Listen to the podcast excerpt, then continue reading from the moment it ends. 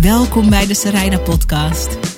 Dit is de podcast voor ondernemers die ready zijn om bedreven verhalenvertellers te worden. Wat moet je van jezelf laten zien, zodat de mensen voor wie jij een verschil kan maken echt snappen wie je bent en wat je kan betekenen voor ze? Dat is waar ik je mee inspireer in deze podcast. Simpele tips, tools, inspiratie en ik zet je aan het werk. Leuk dat je er bent. So, this is probably the most uncomfortable podcast I've ever recorded. Welcome to the Great Shame Show. My name is Sarayda. I'm a single mom entrepreneur from the Netherlands with a multi million euro business, working only 24 hours a week. And I needed to talk about shame. Why shame? Normally, this podcast is a podcast about entrepreneurship. It's a podcast in Dutch, since I'm also from the Netherlands. And it's a podcast about the highs and lows of entrepreneurship, what we learn from it, and how we grow as people because of our business. Great podcast, even if I say so myself. But then I felt very strongly that it's time to go deeper. It's time to go to a next level. Let's talk about the things we normally don't want to talk about. Let's talk about shame. And so I asked my friend, Ben Timberlake, whom I find very easy to talk to, to fly out to the Netherlands and record this podcast with me. Him interviewing me. Ben is a magnificent writer, he's a great journalist, and I trust him. And so I asked him, Can you do this difficult conversation with me? And he was like, Sure, but why? Why are we talking about shame? In my business, I teach entrepreneurs to become more and more of themselves, to claim and reclaim their voice back when they create content for their business. To not say the things you think people want to hear, but let your heart speak. To not present yourself in a way you think is safe, but show up authentically. Because that's what our businesses need from us authenticity. And one of the things I teach my students in my video business school is to follow their shame. Some of the most inspiring, most interesting stories we discover when we dare to follow our shame. This podcast is my story about the most shameful things that happened in my life. Spoiler, there's plenty of them. I believe that the moment we dare to put our shame stories into the light, they become our strength. The moment we stop being ashamed of the things we were once ashamed of, we become stronger, better, not only people, but also entrepreneurs. And it's also hard to talk about the things you're so ashamed of or you've been so ashamed of. Nevertheless, I wanted to do it. This podcast is a little bit different, as I said, from all the other podcasts I've done. I'm highly uncomfortable uh, because this is not my native language. Dutch is my native language, then Surinamese, and then English is my third language. Um, I'm not the one interviewing, I'm the one being asked some of these very difficult questions. And I feel it was a great conversation. I'm uncomfortable, but I'm also very proud because it was very honest. And I hope, and my intention is to inspire a lot more people, entrepreneurs and people that are not entrepreneurs, to become way more honest because I really feel we are at a point in time that we need this. We need authenticity. We need honesty. My friend Ben, who interviews me, has a wonderful book called High Risk. And in that book, he talks about post traumatic growth. I feel like that's what this interview is also about post traumatic growth. And I feel like if we can only touch the heart of one of our listeners, maybe it's your heart, then it's already done its job. Thank you so much for being here.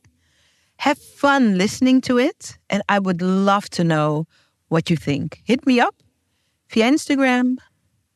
Send me a DM. You can find me in the description of the podcast in the show notes.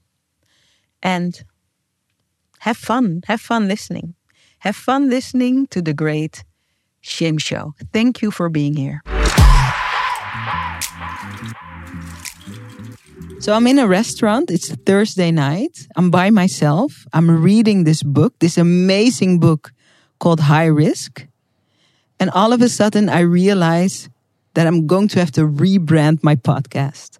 So if you know me and you know this podcast, then you know that I interview entrepreneurs and creative people about their business journey.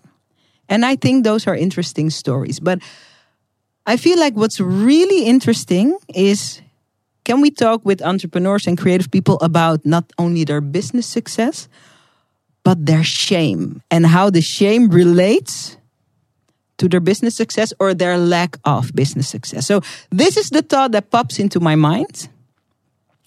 And this is the first episode of the Great Shame Show. I am the guest, and this is Ben, Ben Timberlake. You're the writer of that book I'm talking about, the writer of High Risk. And I couldn't think of a better person to kick off this new series with than you. It's an honor to be here. Thank you for choosing me. Thank you for being here. All right. So, we're here to talk about shame. Yay. Such a fun topic. Why, my, my first question is why am I asking the questions here? Ah. Why did you pick me for this interview? To interview So- you. Yeah. So it has to do with uh, the way we met, Mhm. but also has to do with your book. Okay. Because I I'd read your book, High Risk, hmm and sometimes when you read a book, like even if you're like only at the half of it, you know you're going to read the entire thing immediately after you're done reading. Right, so at the half of the book, I'm like, I'm reading this thing again. And then your book is so very honest about so many things, but also about shame, that it just really, a lot of things clicked for me. Okay. And I realized that this podcast that is usually and normally about, usually I have to say, it's about business and there are a lot of personal stories in there. But I just, and I think I also even sent you like a crazy, crazy voice note. I'm, I'm really like a tiny podcast, but then in the form of a voice note. I'm like, I don't know. I've seen the light. We need to talk about shame more. You're my inspiration. You're my shame inspirator. Okay, I don't know if that's nice, but it's true. And then the first thing I thought is, okay, I'm going to transform my entire podcast. hmm I called my team. I'm like, we're doing a completely new podcast. And I thought the only person, the person that inspired me, but also I feel like in some of the conversations we've had, they're in a way shameless. hmm And I felt like the perfect person to talk about shame with is this guy I feel very shameless with. All right. So, who, or who has no sense of shame himself, right? Yeah, Okay. I guess so. But we've both been through quite shameful episodes of our of, of, of our lives, I guess. I mean, you've written a book in 2014, Yeah. which was completely about. About something that I was up until I read, I wrote the book. That was the thing I was just most ashamed about in my life. Okay, can you because it, because it's only in Dutch, I Yeah. haven't I haven't had a chance to read it. Yeah. Can you tell me what it's about? So it's um, it's about sexual violence. hmm It's about my family, and it's about the conversations, the sometimes very hard conversations I had with my father about what had happened to me. And the reason these conversations were difficult is because the perpetrator was one of his brothers. Okay. So I remember, like, I, when I started writing that book, I got a book deal and it was for a completely different book. I can't even remember now. I was going to write a completely different book. And, and then I, I started writing. I think I was going to even maybe write some fiction. It's so long ago. Okay. And then I started writing my fiction book.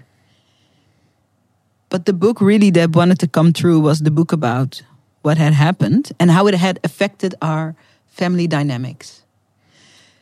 And I remember speaking to my dad. I'm like, my dad was still alive back then. He died a couple of years back Yeah. from cancer. And I remember sharing with my dad. I'm like, so I have this very cool book deal to write like a fiction, like a fiction. I don't know if I can even, but but this other story really wants to be revealed. But it's it's about us. It's about our family. How do you feel about this? How old were you at the time?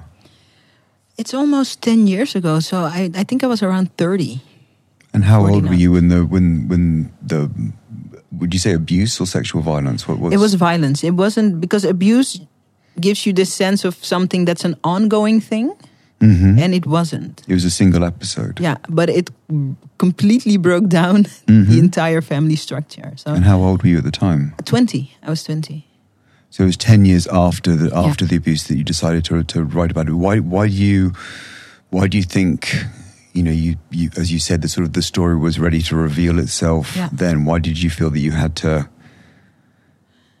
write this book at that point i'm just interested in the in, in the sort of in the not the delay but sort Yeah. of the, the the timings between the the, the incident and, Yeah. and the book I think it has to do with a couple of things. I, first of all, my dad used to say, and now that now that he's gone, I feel like I understand it better every day. My my dad used to have this theory. He was this um, he was a teacher and just just also a very crazy cool professor type dude. Um, he had this theory that that a story chooses you that you don't pick a story a story chooses you but it also has its own timing but did you mean that in a sort of in a in in a fiction sense in an academic sense? Or or, some, or an event that's going to happen in your life? Yeah he, he meant it um, i think what he meant was uh, a story can be something that happens to you can be an event can something you feel like you need to share with it can be all these things. Right. And he used to say that everything has its timing and timing is a very very big topic in my life. I'm not great at timing i feel but and that also that a story chooses you. So what what was actually happening was i'm writing this fake fiction story. It's not Right. going well at all. I'm just working hard at it.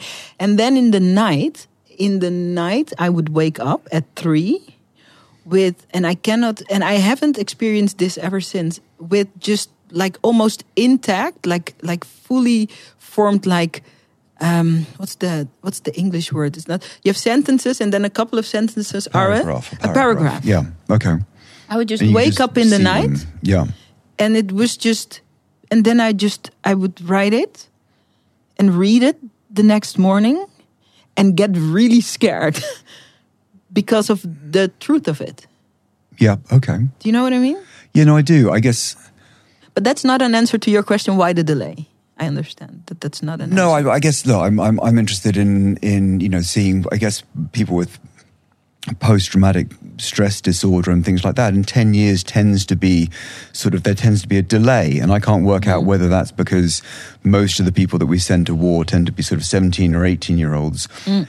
And by the time you kind of reach your your your late twenties or your you know your early thirties, that time is is the time of your life mm. that you're ready to process these things. That's mm. you can you kind of you worked out who you are and the bits of you that you want to sort of take into the next stage of your life, or it's just simply that that that 10 years and i was speaking to a psychologist about this and, and she was saying that actually the, the body tends to work in sort of seven year Oh, yeah. cycles that you're I kind of you're ready to reject this Yeah. this this trauma by Yeah. that this by that point From this is so interesting because I feel like at 27, so this happened when I was 20. Then I was in denial for some time because I felt like uh, I hadn't died, so it wasn't that bad. Some people just, okay and then I also felt like. Uh,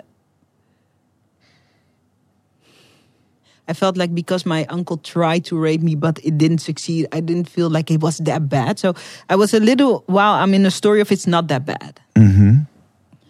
um, and I feel like with trauma, it really it changes your character, but very, very subtly, very not not, not like something bad happens and you're completely different, but something bad happens and then parts of you start to die, but very slowly. So I, in the beginning, I was like, this was horrible. Um, we had this after ripple of just like destruction because I was honest about it very early on. From from the Very early on. okay. I told my parents, and and then um, my father confronted his brother, and then that just created how, how, mayhem. How soon afterwards? Soon, very Okay. soon. I don't know exactly. I know I. It took me three days to tell to tell him. Okay, so but I was really very close to my dad. Yeah. Um, and then I, I, I, I, and then he confronted him, and then and then just the entire dynamics of the family was just shaken to its core. Yes, Mhm, and I don't know everything. So then I was in denial. I'm like, okay, so all of this happened. So this is bad, but I feel like, and that was always my way of dealing with things. If you didn't die, it, it maybe it's not it's not that big of a deal. I used to be very insensitive, also to my own experiences. Yeah. And then, so I feel like what happens with trauma is it it goes like below level, but then it just surfaces in in your relationships. Yes. hmm Yeah, no, definitely. It's it's it, it it's like a sort of ink drop. It's it Yeah. stains the Yeah. you know stains the everything around you. Yeah. So then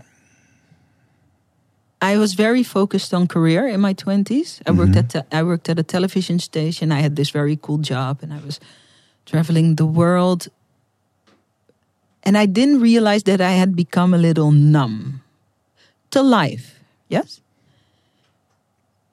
And then at 27, I had this really awful, very bad, slightly abusive boyfriend. And he the magic of him he was terrible but the magic of him was that he just this trauma that was like like in my veins he just shook it out of me. How? that's a great question. Um he was just emotionally very volatile I, I don't know if another way to put it i would just Was he doing this consciously in a sort of in a in a in a helping way, or, or was just No, was his was no, his was no. his terrible behavior just it, his terrible behavior was just woke you up to a pattern? yeah and then some, some and then some not so great stuff happened What? Um, let me see what i can share about it. Well, he would just also be um, some parts of the i don't think i've ever told this before. Some parts of that relationship were like anything that had to do with boundaries was just very hard for him to respect boundaries. And and that's what and i noticed that in all different aspects of our life so in if we have to decide for something together or if we but also sexually right and it just stirred up the old this old trauma okay. and then I got so angry. And I don't think I've ever, from 20 until 27, I didn't know how to access the anger. And then this dude came along and he just, and I just woke up one morning and I thought, I am going to kill this guy. And then I was a little afraid for myself. So I called a friend. I'm like, I think I know what it's like. With, I think I know what it feels like in your body when you want to murder someone. I was like, interesting and also a little scary. And then the next morning I woke up again. I'm like, I still feel like I'm, I, I want to kill this guy. Was this like the first signs of love then?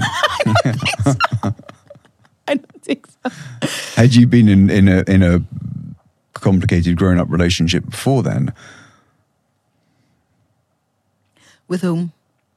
with anyone? I mean, you know, I, I met you when you were.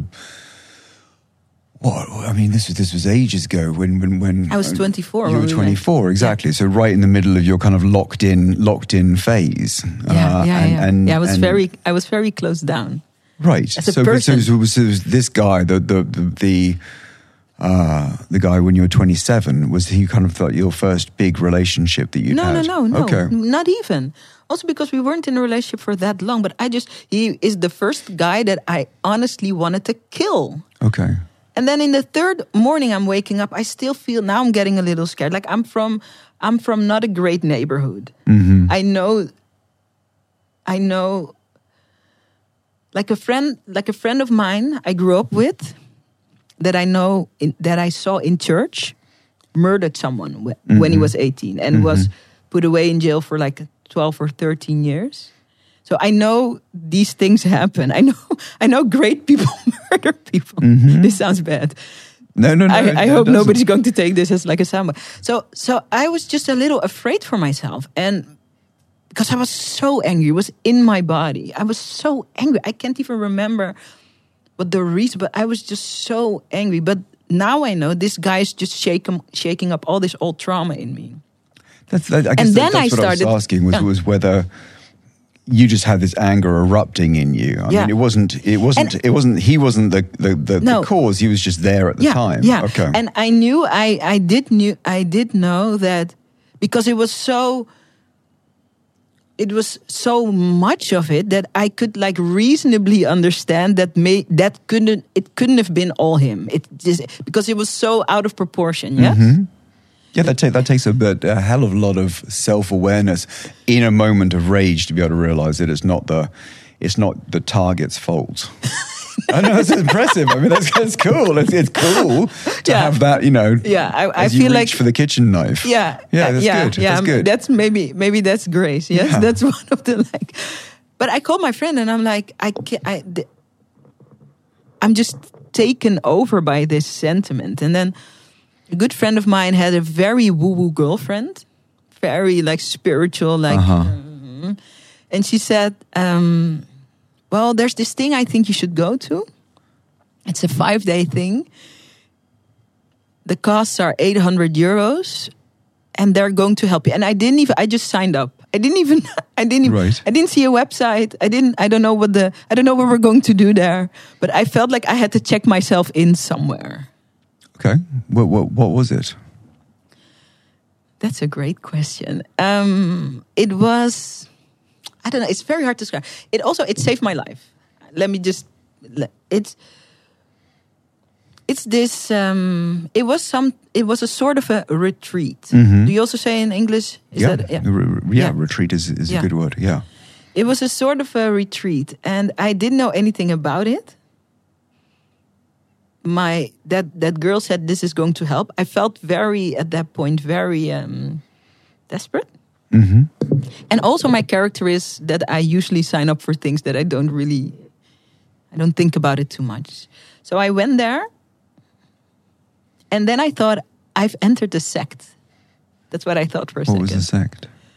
or is it is it called a sect a cult oh i'm trying to No, no, they're, they're, they're, there's, that they're a- similar words. Okay. Yeah. Yeah. because because, because the first day it was a five day thing you had to wake up at that time i thought it was very early now if a child and i'm like seven o'clock is not that early but you had to work, wake up at seven and you would do all these dynamic meditations and all of it was very weird to me Mm-hmm. Had you been into sort of woo woo stuff before? one one thing. I went to one thing, but that was all just very glitzy spiritual and very effective, but very glitzy spiritual stuff. It's like we're meditating on this mountain. Okay. It's just love and light. Mm, the mm, world mm. is really a beautiful place, and that, that's also true. But this was like an entirely different thing. So, what they challenged you on is to really start feeling again. But that's not what they said on the website, and also I didn't read the website, so it's fine. So you would do all these very physical meditations that looked crazy Mm-hmm. To allow yourself to process emotion that it's in your body. So one of these meditations was very early in the morning.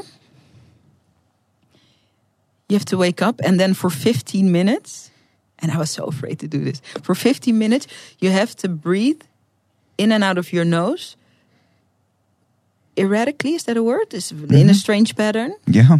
Bring a lot of like oxygen into your system. Okay. It all first of all, it looks hideous. You look like a beast doing it. And Yeah. back then, I really cared about. I'm like, I don't want. These are all these strange people. I don't want to look crazy, but everyone was doing it. And then for 15 minutes, after that, for 15 minutes, they uh, they ask you to. They sounds very strange, but then you're asked to just um, voice your inner whatever. Could be frustration, could be pain, could be hurt, could also be joy. And then basically you just have to scream for 15 minutes. That sounds great. It's awesome, but I was so afraid. I was I was so afraid. I'm like, this is a cult to get all these crazy people. I'm in the corner. Mm, mm, mm, mm-hmm, like, I'm, mm-hmm. I'm rocking in the corner. Like, I hate this shit. But of course, I never leave.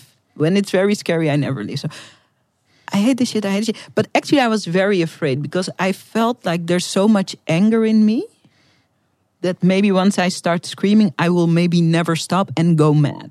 I feel like for a lot of people that mm-hmm. suppress a lot of their emotions, this is the fear that once the lid comes off, Yeah. it's Yeah. just endless. And that's not true. So the first day, I was just afraid and also judging everyone. I hate this place. All these people are ugly. I don't know what I'm doing here. But because I was just very afraid, yes? This is a course, no, no, mechanism, it's, right? It's a, it's a defensive mechanism. Yeah, for sure, for to- sure.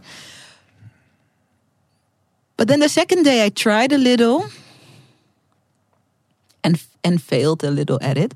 But then the third day, the third day, uh, I was like, "Fuck it, I'm here." I've also paid uh, 800 euros.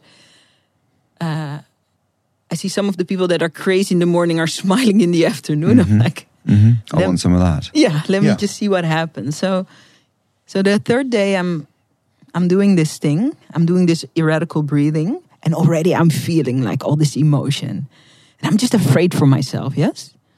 And then this part comes and then you have to just let out your whatever. And i still when i still think about it i can still i i'm probably going to cry somewhere during this mm-hmm. conversation. It's fine. I just I just felt like from like the tip of my toes I just I just felt like it's like a train you know? It's like mm-hmm, mm-hmm, I'm like oh my god. Oh my god. And then and then all this emotion comes out like and, and it's everything. It's just it's just everything. It's just first of course it's a little bit this boyfriend that I mm-hmm. had but then it's just then it's just rage against my uncle and then it's also anger it's also a lot of irrational stuff anger that i feel like my dad should have protected me just all this this, stor- this rage and then all the stories with it Okay. Yeah. and it's just endless stories. And then there's a lot of mourning. I'm mourning for my family. It's all of this. And I don't know, you know how children cry, yes? Mm-hmm, mm-hmm. They Yeah. just throw themselves on the floor and they cry, yes? In the supermarket when Yeah. they can't get a. I was like this on the floor. Foam is coming from my wow. mouth For how long? and it's i don't know it felt like for hours and it wasn't but the the the most wonderful thing and this really changed my life this really changed my perspective what was great about it is that no one and this is going to sound weird um, no one intervened the only thing that happened is that one of the women and she's tr- she's still my trauma therapist and now trauma therapy is my hobby mm-hmm, i just mm-hmm. do it for fun just to see what just to see what comes up For fun. I Alright, really cool. do. Yeah, yeah, good. her name is Helene, and she just sat with me, and she, I, I will also, I was on the floor, and foam is coming from my mouth, and I'm crying hysterically. I, I think maybe for like, Ten years after it. yeah, crying, crying, all these, all these, all these emotions, all these stories, all these stories that I'm not even aware. And the only thing she did, I'm just, and I, I feel like, I don't know, and snot is coming from it. I was like, her, and the all, the only thing she did is she sat next to me and she put her hand on my back. This is the only thing she did. And what I got from that was um, that I'm not alone, you know. So that's, but this is my thing. And also, what I loved about it is that she wasn't. Nobody panicked because apparently that this is what we do at this weird thing. Yeah. and strangely, strangely, strangely enough, that helped me not to panic about what's happening. I wasn't panicked; it, I was just in it. But I don't think I'm not thinking something is going wrong. Yes, Yeah. very important. And and also nobody hurried me. Sometimes when things are very uncomfortable, we hurry each other. It's like, Yeah, are you okay? true. Are you okay? Yeah. Are you because the the other person is actually uncomfortable. Panicked, is panicked. Yeah. yeah. Are you okay? Everything is going to be fine. And no one did that to me. And it was wonderful because it just allowed me to release. What was the closest thing in, in, in your life that that was like? I mean, what would you compare it to? Up until then, that was a really that was a first time experience. And now I have that all the time because I give it to myself all the time for everything. You know what I mean? Like, yeah, I guess, I guess, the, but I guess the sort of the picture in my head and was it was definitely sort of it's it's it's panic, but it sounds like, you know, it, it sounds like, you know, psychologically vomiting up this Yeah. this this Yeah, it really thing was. you carried with you. And, and you know what happens? Like if all that rage, because it's just rage, if all that rage is just has a safe space to like um, be expressed, Mm-hmm. like underneath it, it just I, like in the end, I just cried. I just cried. I was on the floor. Just I just I just cried. I just cried for my father and I. Do you know what I mean? But let's. I mean, can we can we break this down? We don't have to go back to the back to the the, the incident it's, itself, but but, but talking about that sort of that that explosion that you had in this in this in this tr- in this trauma center. Of, of, of you know all of this all of these things coming out of you can we kind of break down what they were i mean Sure. those the, the first thing you said was was rage against Rage. your uncle who was Yeah. the the perpetrator what did Yeah. what did that look what did that feel like did that? Well, I ha- it had to do with this. Like, I'm just going to be very honest. That's also Mhm. why, like, I asked you to do this uh, conversation Yeah. because I've never, never. We don't know each other that well, but I- everything I've ever said to you was like a hundred percent the truth. So Mhm. I'm trying to keep this tradition. Well, we've only met three times, so know, I think, know, I think we're I I, think we're doing well. Yeah, yeah. it's going well. It's All going right. well. Like the thing was this, and I was thinking about this yesterday because I know I I knew that we were going to have this conversation. The thing that I was most angry about, Mhm. I don't think I've ever told, but I am sure that all victims, I don't like that word, of Let's- let's- Sexual let's- let's violence? use it here, just Yeah. just because it's a good word. all victims, I'm sure can relate. So there's the physical part of the violence, yes? Mhm. That's physical. hmm But there's also an emotional part of the violence. And usually, because it's very important for a perpetrator not to be found out. hmm And the emotional violence, which is manipulation, Yeah. can be very fierce. My uncle had told me, he's like, he said to me, um, he said, and it was, it's still, it's blurry, but this is very sharp in my brain. He said to me, like, um, oh, and now I am gonna cry, but it's fine. He said to me, uh, you have a very, I get angry all over. This is so interesting. It's so Mhm, long ago. mhm.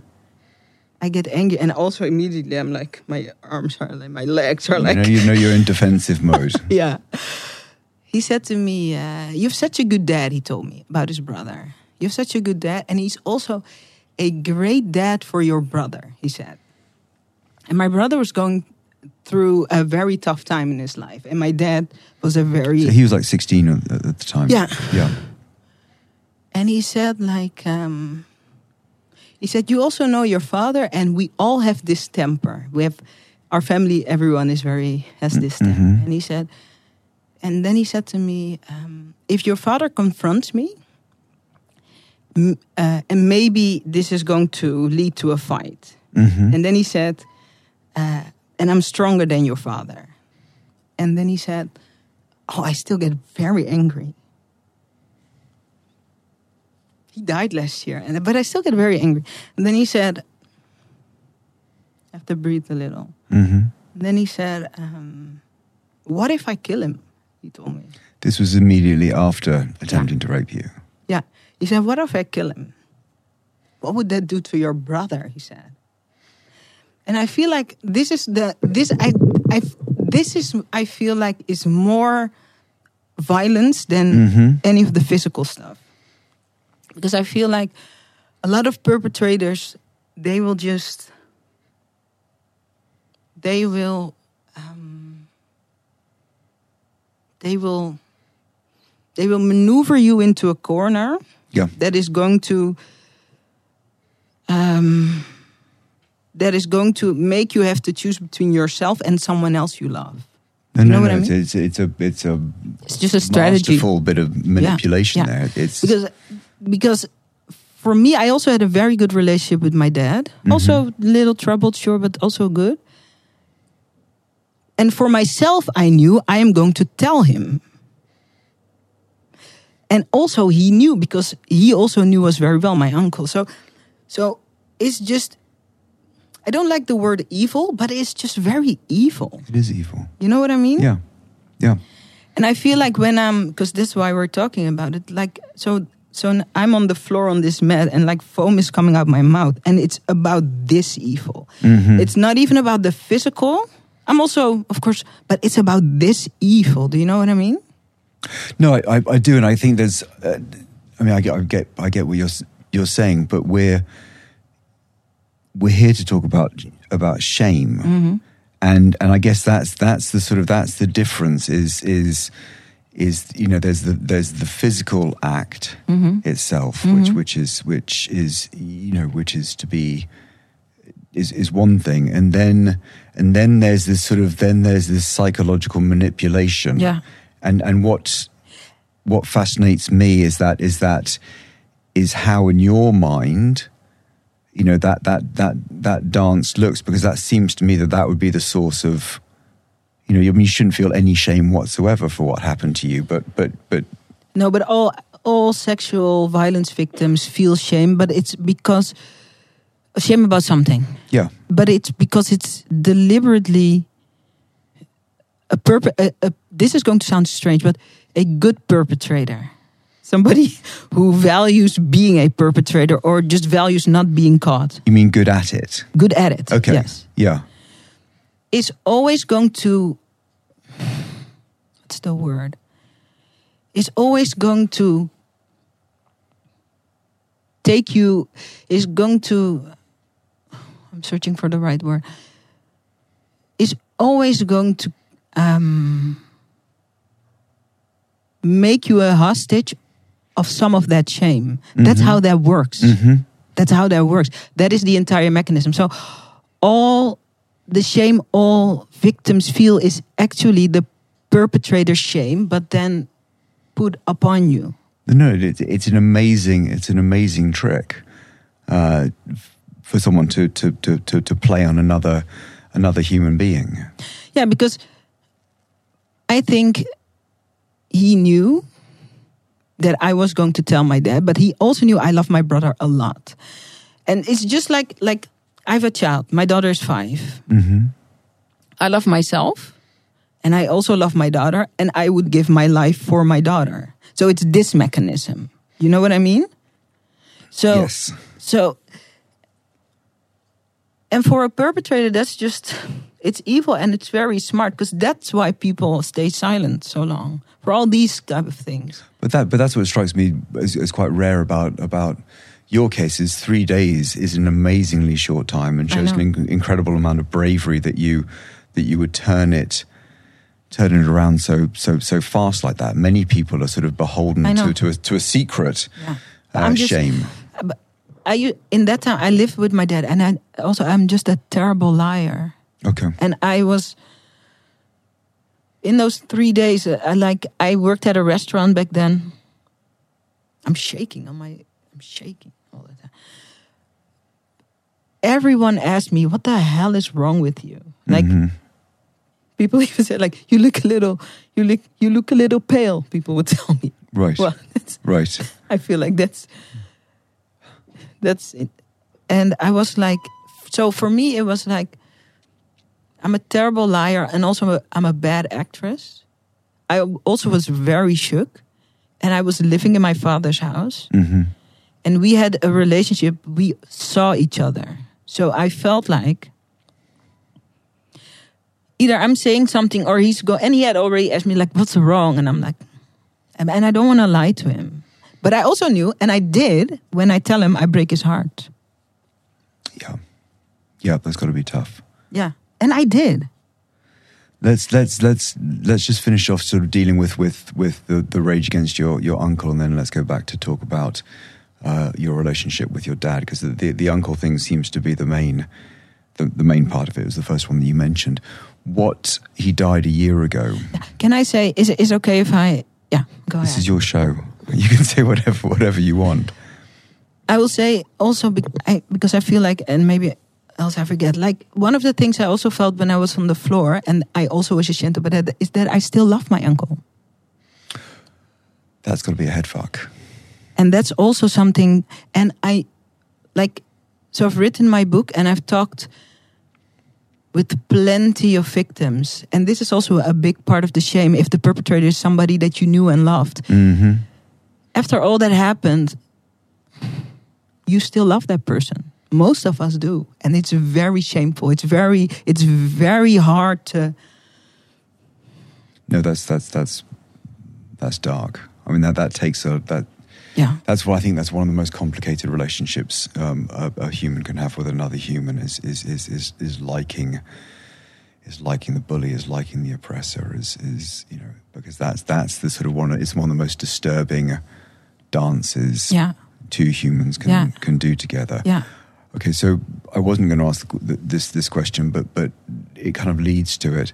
Your uncle attempted to manipulate you after the event by threatening you and your dad and and and and your brother and your entire sort of family. What did he do beforehand to to manipulate you in that in that direction, or was it just did it just completely come out of the blue?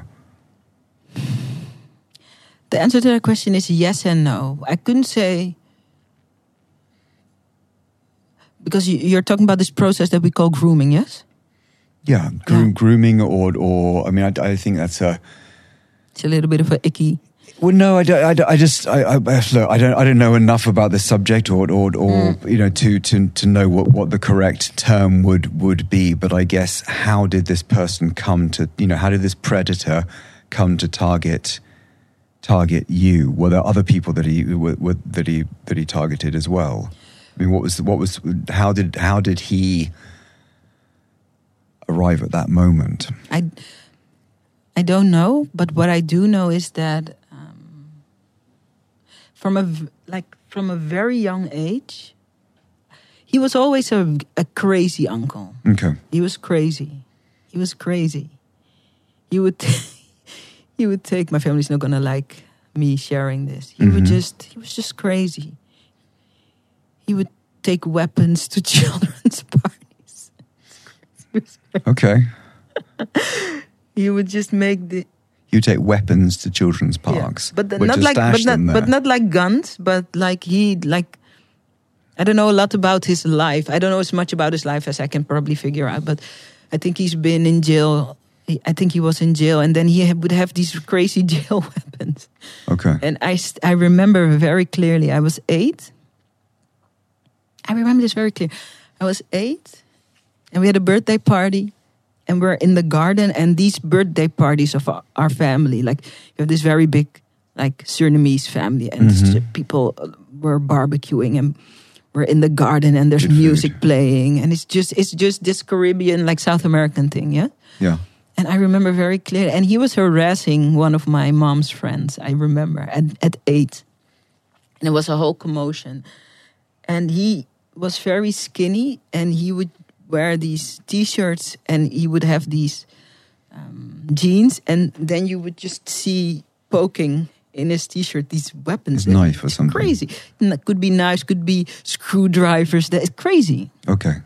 So I remember very clearly. And and some people in the family didn't like him, but I, for some mad reason, and I had to work through a lot of therapy to accept this, but I always loved him. And I would go up to him as a little girl and I would just say, I would say his name and I say, I know people think you're crazy, but I love you. Huh. Okay. What did you love about him?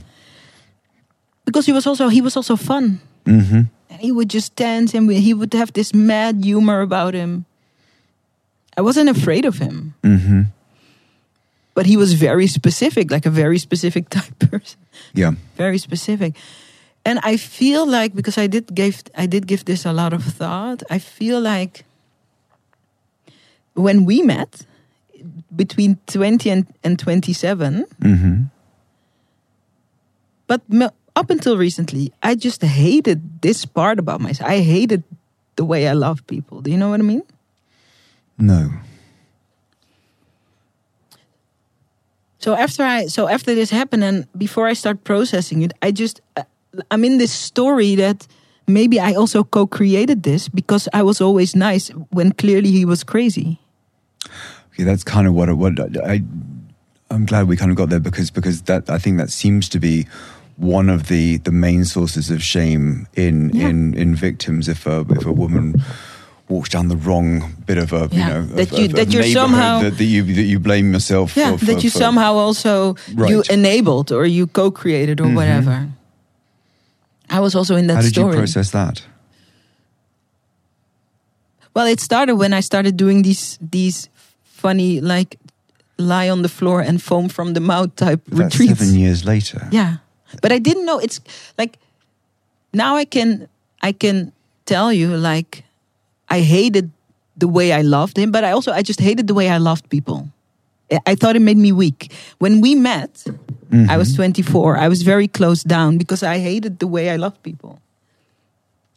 Do you know what I mean? because you thought loving someone else would would invite that level of violence into your life and also again. it's weakness i feel like plenty of people now i can't even believe that i thought that and i feel sorry for myself but not in a condescending way but i feel sorry for myself to even have had those thoughts but i think a lot of people feel like they're the way they love or their love makes them weak or vulnerable yeah. And also my my thing was the way i love makes me unsafe in the world. This is my story. This is a terrible story. Yeah, I guess because a lot of, I I guess some people, the only time they get to experience that sort of love is is is from you know is from their their parents at a time of life when when they are weak and and kind of shapeless and and, and formless, mm. and that shedding that kind of love is is part of what toughens toughens them up. It doesn't turn you into a great human being, but like I understand that sort of The that- that mechanism. process of, of, of drawing away from parental love, and that's what you know teenagers, particularly teenage boys, do so disgustingly well. is kind of as you know, as pushing yourself back, but then you need to go on and form mature and, and good relationships with with with with others. But yeah, if you want to if you want to, Yeah. yeah, exactly. Uh, okay, so what? A friend of mine I was talking to a, a couple of years ago was telling me that that when you and this is the slightly sort of ridiculous thing to say in this podcast, but when you remember going to Paris when you're eight years old, you're actually really remembering what it's like to be eight years old. Not mm-hmm. so much you know, you don't actually you're not remembering Paris.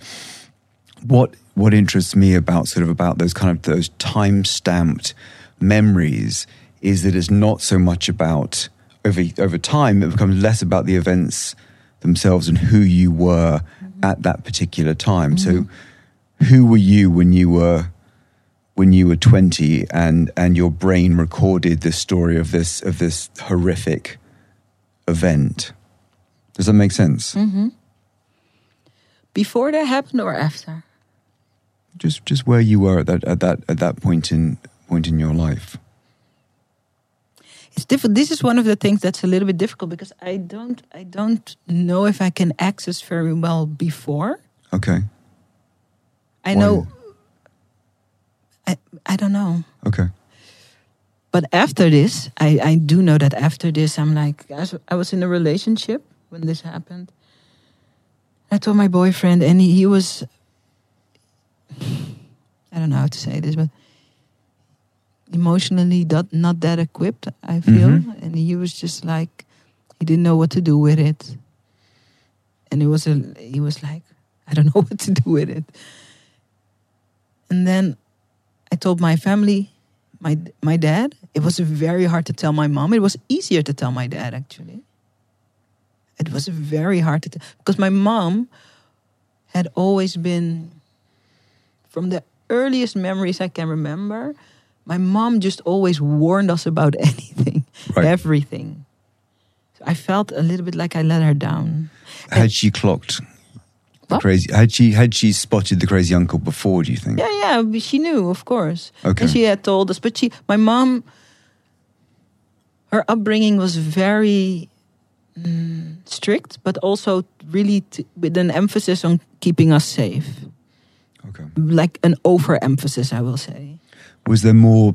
Was there more shame associated with with in your relationship with your mother because of the event, or with your or with your father? I definitely I found it way harder to tell my mom because Okay. I felt like I had failed. Like she was always like, "Be be be careful." She was like, "Don't don't." She literally said, "Don't sit, don't sit in. A, you can't sit in a in a in a man's lap, not even if it's family." She said all these things. Really? Okay.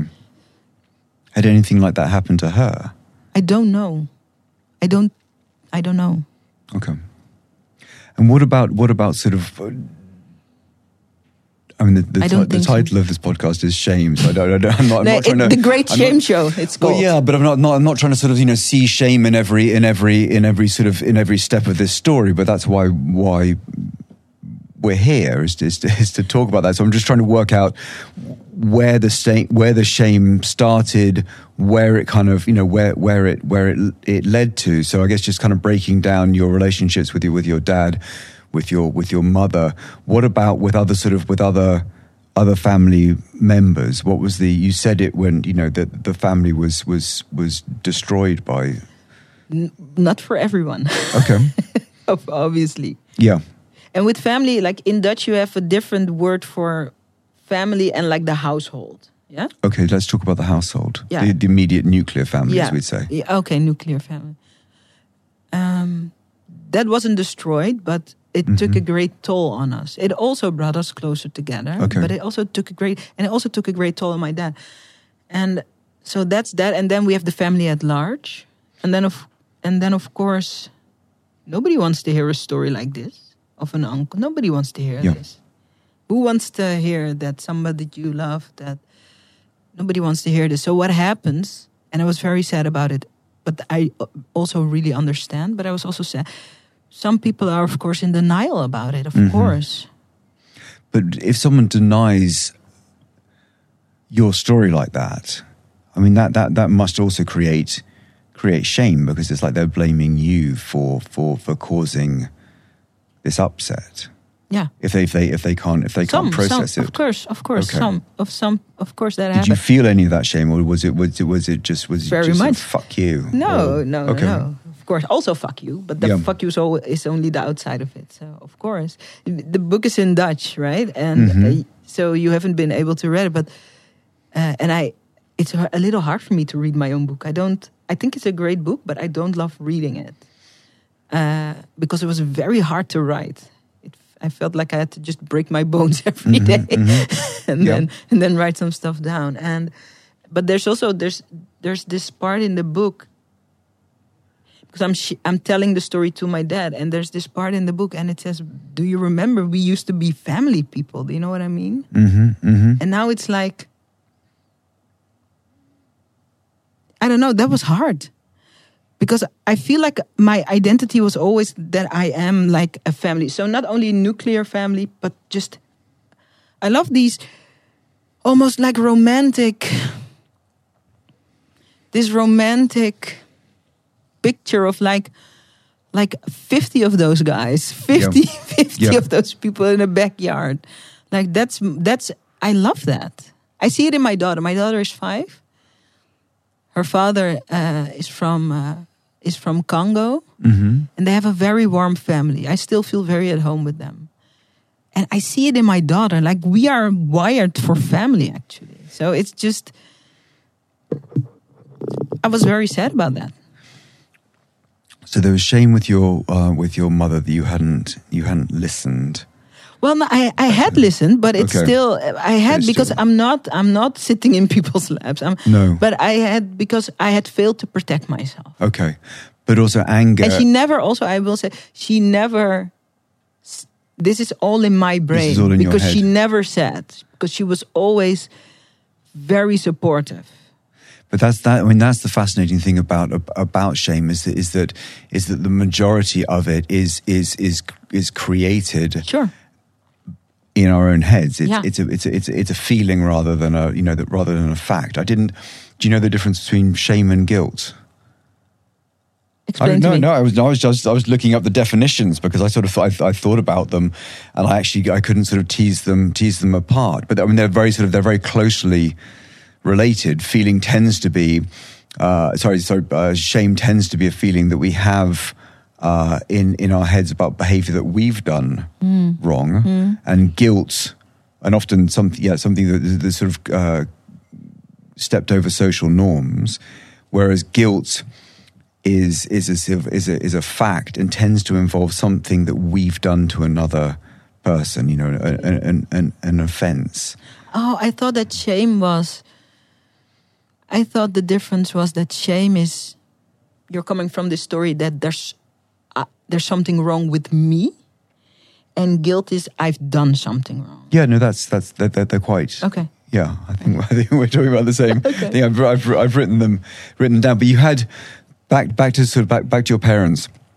You had yeah the shame with your mother, but also you mentioned anger with your father for not protecting. But that was came You. from a, what I noticed, and this is why I'm really an advocate for for for for trauma therapy because this great trauma therapy really has the ability to first like confront yourself with I have this story about this. These are stories Yeah, in your in your system Yeah. in your mind and then to examine these stories like the the the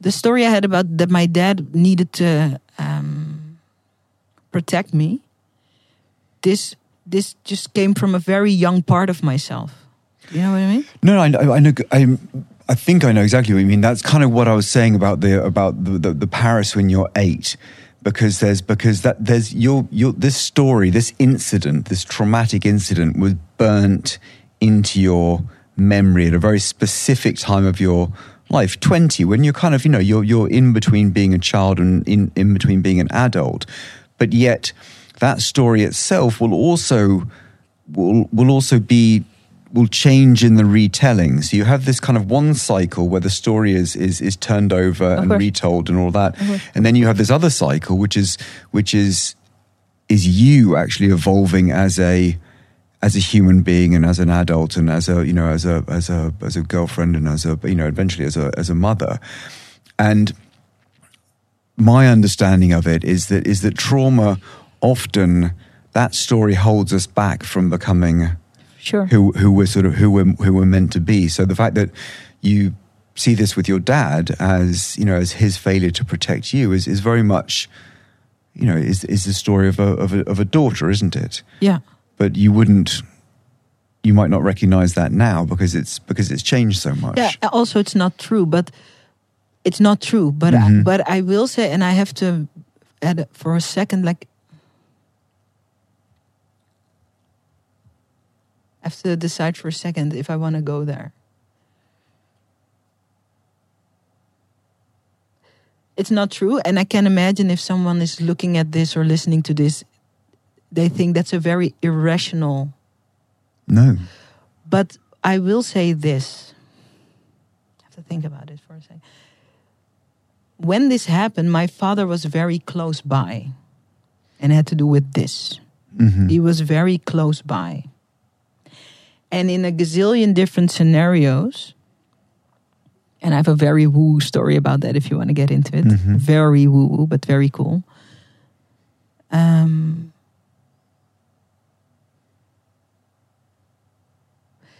it i'm sure there's also it could have it could have happened he could have intervened but he didn't know but he was close enough for it do you know what i mean Yeah, that's that's that's that's tricky. do you know what i mean so And, uh, yeah. so so that's why that story at 20 is in my brain like this but then i had a very mystical experience about it that set it straight but maybe talk about that later Or maybe not. or maybe talk about it not or We- now well, we can talk about it whenever you want. Look, but tell tell me the mystical story. Okay, so because it's another form of story, isn't it? It's- About about Of course, processing. It's all. What It's happened? it's it's a story, but it really changed my life. okay. and I think I I categorize it as a very mystical experience. So so it's it's it's 2016. I think I've already written a book.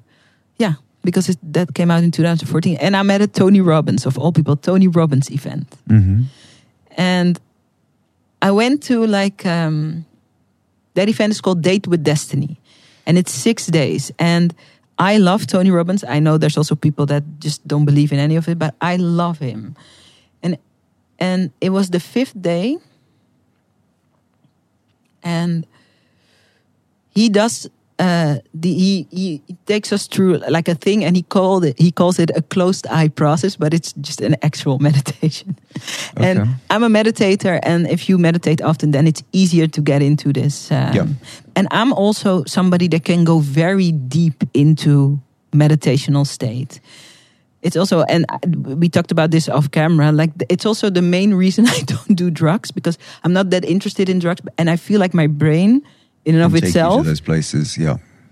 and uh, and I think he, I think the, the he gave us this theme of something that still felt unresolved. hmm So I've already written the book. My dad already uh, has died in the meanwhile. Yeah. Right after the book, I've written the book. My dad died right after it. Did he get to read it beforehand? Yes, yes, yes. Wow. It was just. I think that's why the book woke me up in the night with all these paragraphs in tech because it's like write me because this is the only window. This is the timeline. This is the Yeah. time. Yeah. Okay, so I'm at this Tony Robbins event and we're doing this closed eye process. And he asks us to like uh, pick something from our life that is unresolved. And I, I picked that thing from my life that is unresolved. I'm like, why didn't my uh, dad, who was fairly close by, why didn't he? Why didn't he stop it? It's still, it's a childish thought, but it's still in my system. And then he says all these things, and we're in this meditation, and then something, I don't know. I've never done any hallucinative drugs, mhm. but I imagine it's like this. And it was just so strange. I so we're in this state, and then Tony Robbins asks us something, and I just felt like I felt like like a deck of cards with all different scenes is just thrown at my feet. And like a movie montage, like even when I'm saying this, it just sounds mad, but it's really what mm-hmm. happened. It, it was as if my unconscious said, Do you want to see the alternatives? Oh, okay. That's interesting. What were the alternatives? And then I saw, and it was very rapid. I feel like I've never done ayahuasca, but probably this is something you can see in an ayahuasca tree. And I would just, I, I think I got like twelve like different scenarios of how that could have gone. Talk me through them. I don't know all of them anymore mm-hmm. because it was so overwhelming experience. But all of them were worse than my dad not saving me. All of them were worse. Really? worse. Okay. Let me tell you just one. I So can I, saw one. It was madness. I didn't even know the brain could do this, but Yeah. people on drugs can tell you, yes, the brain can do this. So one, so one scenario is like um, my father intervenes, hmm and now these, and now he, he's fighting with crazy uncle, and then he kills my dad. Yeah. that's not a better scenario. Mm-mm. Another scene was my dad intervenes. He fights with crazy uncle, and crazy uncle kills him. That is, or I don't know if I just maybe You I'm saying the same one, thing. Okay, the other way around. Yeah. Also not great. There was also a scenario where my dad intervenes, they fight, and I sta stick a knife into crazy. So none of this, none of the scenarios mhm. were better than what happened. And this was, I can't do it justice. I'm telling this, and I'm like, I'm not telling No, it no, the you're right doing way. you're doing you're doing very well. I can, I, I mean that's a, it's a, a pretty amazing way of your brain reordering that For until sure. until that is Yeah. that is you know and it doesn't even matter if it's true. It doesn't matter if it's true. It doesn't matter if it's real because, frankly, and I feel like you know way more about the I brain. don't. Okay. And I really then don't. that's the only. My assumption is that you know a little bit more about the brain than I do. It doesn't fucking matter. So I saw I saw these scenarios. None of them were better. And then of course I also cried again hysterically. And I just really and then I decided that the way it went down was the best way for it to to go down. And then I just made my peace with it. Then and there. And that, was that the last bit of, of sort of healing that you had to do, do you think? No, n- not like for the entire thing, because then I, I still had to heal my entire sexuality, and that's another Yeah, thing. okay. But in terms of uh, for my dad and I, yes, Okay, but the the, the, the flip side of of uh, of all of those scenarios, and and where the you know this still this this horrific scenario of you of the attempted rape by your uncle, where that is the best possible thing in that deck of cards. Yeah. The flip side of that is Yeah. clearly, well, I, I think is clearly I'm survivor's guilt. which I think is a form of I, I, I, I think is a form of shame. I associate that with with with shame, the shame of having survived. I have to really check in with myself. When you say it, I don't feel anything in my body. So I don't know if that's true for me. Okay. I will say this because somebody that's listening or li- or watching this, and I'm going to say something radical, but it's also the truth for me. I can imagine it sounds very strange when a person says the attempted rape was the best card out of the mhm, deck. mhm. Yes, that sounds strange. No, it, it sounds it sounds strange, but but it's. Uh, I, I think I think it shows amazing insight to be able to to be able for your brain, whatever part of your brain is doing this, to to sort of give you a slideshow of alternatives which are much much worse. Is, I mean, it's it's quite an incredible thing to to do. it was very insane to experience but like i don't want i don't want people watching this this video or listening to this podcast to like um be pressured into like well you just have to be grateful for whatever happened No, to you no, no. I don't. I don't. I think that's the message. no, but I will say that, and it's not the only thing, but that situation made me who I am. Uh, We wouldn't be sitting here, obviously not having this conversation, but also all great things in my life, and I feel like I have a great life, also derive from not only this incident, but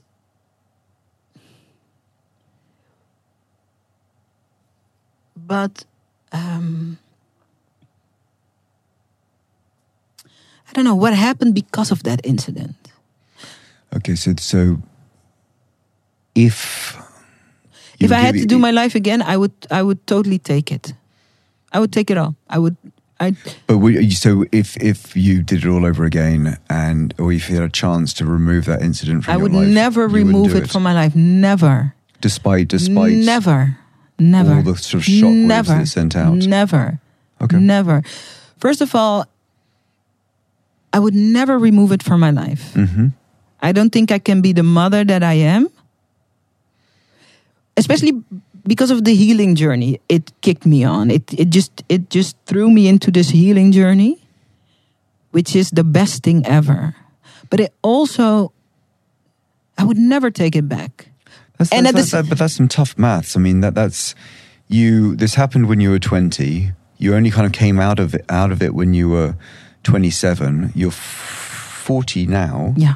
So I mean, that's that's seven versus thirteen years. I mean, that's that's a that's a third of your life since that incident is Mm-hmm. is is being you know is being locked in. That's Yes, you but think it's still worth it? yes. Okay. Yes, because I feel like a lot of people are locked in by all kinds of traumas. You can also live a life as a locked in person. It's just not that fun. And it's not that remarkable. But you only know that when you get out of it. I didn't think I was a zombie for 10 years. I kind of was, but I didn't think so. I didn't I, I didn't look it. but I didn't but and I f- No, I would never take it back. First of all, it it it taught me to always tell the truth because if I can tell my dad what happened and my mom, I can tell everybody what. So and now this is my work. But before before we get to that, just we we dealt with we kind of we looked at the the incident and and and the the perpetrator and the family members or the perpetrator and the, all of the people involved in the in the immediacy of it. Mm-hmm. Talked about your wider family as as well, but you also come from quite a sort of traditional church based community. Mm-hmm. And shame and religion go hand in hand. You know, it, it, it it's it appears right at the very beginning of in the Bible, it's it's one of the first things that sort of that's that's you know that's that's mentioned. Um, this, the, the the shame of Adam and, and Adam and Eve, but it's a digression. You you come from this sort of a, a shame based culture to do with religion. What was the shame in the in the in the wider community? Outside of your family, your nuclear family, your your larger family, and then in in the community, were there any repercussions there? I don't know if I understand the question correctly. Like this is what's coming up when you ask this, and this is not an answer to your question, but I Uh-huh. will also try and answer your question. But maybe have I guess what, what, what was the effect on religion in your feeling of shame I'm in very- your community? like when this happened, like I don't identify as religious anymore. I feel like I'm Mhm. spiritual, but but but back then I felt very identified with religion. I don't anymore, but I'm very glad that I was religious when this happened. Really? Okay, go and I'm- explain. very glad because and i will thank my mom for this because it it took me um like so there's religion and then there's as a religious person you also have a core relationship with god hopefully Mhm. and then there's the religion stuff and it's church and it's all these things and all these churches have different things and we all have the bible and stuff like that but what i'm very grateful that i was religious because it also helped me to forgive my uncle Well, that's the- uh, what I And that's wanted to talk to you yeah. about about about that. Uh, he died last year. yeah What was your what was your relationship with? Did you ever speak to him again? Was there any contact with him again before he died? yes when my dad died he Wow. called me. I remember this very clearly. So my dad died and as the and right before my dad my dad got sick he got cancer and he came and lived with me and my then fiance and then we uh, took care of him. Mm-hmm. and then he died. Mm-hmm. and then i'm the oldest of his children. And my dad wasn't married because he separated from my mom and I, then i arranged uh, with the help of my mom and her husband Mm-hmm. and my brother. Uh, I had to arrange the. Uh, I was like uh, the the project manager to for his funeral and all these Okay. things. And then uh, so so. I don't know much. I don't know a lot about that time. We had a beautiful like Surinamese funerals, and these things are like parties. A Surinamese funeral, there's, food What does there this Surinamese funeral look like? What it's, is it? It's lots of people. There's music. We our our color of mourning is white, not black. Uh huh. There's this ritual of we dance with the coffin to the to Wow. the burial. It's very Mhm. it's very it's very cool actually. We celebrate the life. Mm-hmm. It was very very busy. My dad used to be a teacher. And all these children were there. He used to like tutor them Mm-hmm. for free on Saturdays. We would always laugh at him. We're like, "Why are you tutoring people?" And then at his funeral, I'm I'm gonna return to my uncle.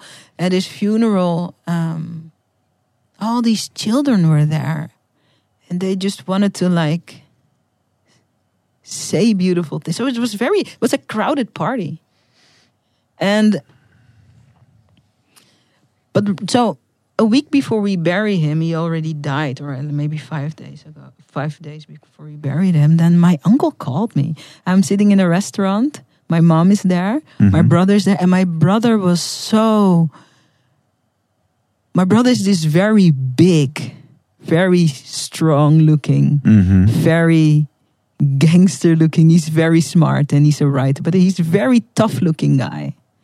And my brother was just, I don't know. So I felt like I'm going to arrange as much as possible, and then my mom helps me and my stepdad. hmm So we're sitting in this restaurant and we're really like, a, and I'm not even that good of a project manager, but like a project manager, I'm like, we still have to do this, we have to do this. I'm in this mode. And then somebody calls me and it's my uncle. Did you recognize the number? Did you know? No, no, no, of course Okay. not. No, no, because it's now years later. Yeah. Yes. And I never had this number in the first place, of course. Okay. Did you anticipate that at all? No, not at all. And he just started talking and he said, Your father died. I want to come to the funeral, he said. I still feel it in my body when we talk mm-hmm. about this. And I say, listen. And I really respected my dad, and I've I also respect the position. That's my dad's one of my dad's brothers. My bro- dad had a lot of brothers. I say, listen, you are allowed at the funeral because it's your brother but it's you have to know that you broke him you broke his spirit and he never recovered from this oh so i still feel it in my body and i said if you are allowed and my my dad because he had he he was sick and the cancer had taken a lot away from his body he was very skinny when he died yes Mm-hmm. I think he was a grown man, and then I think he only weighed when he died maybe forty kilograms. So, Okay. so cancer really it's not like in the movies. It really eats the body from the inside. Mm-hmm. Mm-hmm. So forty grams is like what 90, 80 pounds, ninety pounds. Nothing. And I said to my uncle, I said, when you look into that coffin and you see that forty kilograms of a man, it's you have to know it's not the fucking cancer that killed him. You know. It was this. It's you. And if you can face it, you are welcome. Yeah. Come and face it. You have to look look at him. Look at it. If you are man enough to like own it, Mm-hmm. you're very welcome. And I meant it also. But then of course he never came. He didn't come. No.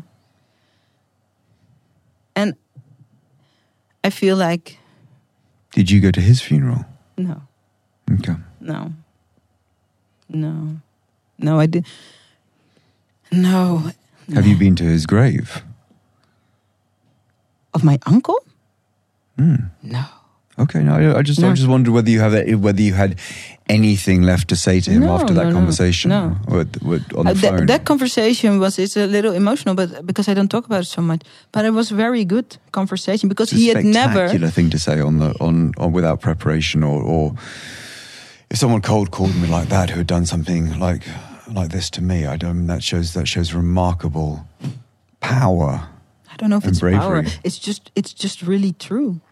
It's not. I don't. I Well, don't. that, that- that's pretty I, I think that's I think that's incredible Thank you. It's it's it's the only time we've ever spoken Mhm. since I was twenty, and it's it's. And he said, I will give him credit. He said, I've never known what it is that you talk about, but whatever you think I did, I'm sorry for it. That was his apology, and I took it. I took it. Yeah. I took it. I took it because obviously you're not going to say like yes it's absolutely true i ruined your life and i took you away from your family that's a like he like at heart he was of course also a coward Mm, so this mm. is a coward's apology. It is that's exactly what it is. It's a cow it's a coward's and it's apology. fine it's still an apology yes? Yeah. it didn't mean that much but i still I, it was like i'm i'm i'm it was the best he could do. Yeah it was the best he could do. And also and this is true i had forgiven him. But i feel like some people get these mixed up ideas about what forgiveness is. It's like what it means to me is exactly what was in the conversation. Like i see you i disagree hmm but but i know that uh, in a very strange way this has nothing to do with me anymore. This is just you. You are a coward. Hmm and in this life you can also choose to be a coward. It's just it's just something that you that some people are. It's fine. So there's no you know what i mean? And if if he did come to the wedding, uh, wedding, if he if he if he did decide to show up for the for the funeral, I would just respect him. Mhm. Just being, I, I wouldn't talk to him necessarily, but because that's also his brother. He's not only like one of the things that are very important is like a perpetrator is not only a perpetrator. Just that I'm not only a victim. He's also my my brother's father. They have spent an entire youth together, Mhm. childhood. Mhm. He's also a father. I can say lots of things about it. I will, but he's also he's also a granddad. He was. He is all these things that I don't know anything about. You know what I mean? Why? Um, it's not a particularly bright question, but but the police were never involved. No, I never, I never reported it, and never for a second thought about reporting it. Why not? I feel like for a lot of victims, this is because, first of all, how can I, how can I prove this? hmm and I wasn't ready for that type of like confrontation with like the reality of it. And also, and maybe we're going to talk about cancel culture in a second. I'm against cancel culture, even when it's very, the perpetrators are just these heinous people do that do heinous things. I'm against cancel culture. For me, and maybe that's wrong. I don't know, because later it turned out that he had also uh, molested some other people in the family, also before me. And so what about after you? I don't know. Could be. And one could say, like, you have to take this responsibility to, um, I don't know, put someone in jail. And I think that sounds correct. And also, uh, I wasn't up for it. And that's No, I, I mean, I guess I was, I was originally asking that uh, in in terms of uh, in terms of sort of for, forgiveness. Whether whether had he gone to jail, had he had had he suffered for, for what he what he did to you. I think Whether- I think that would- perpetrators suffer for Sorry? what they do. I think Yeah. perpetrators suffer for what they do. There's the, no, there's lot there's lots of different you know all around the all around the world. There's just lots of different ways of of, of treating perpetrators.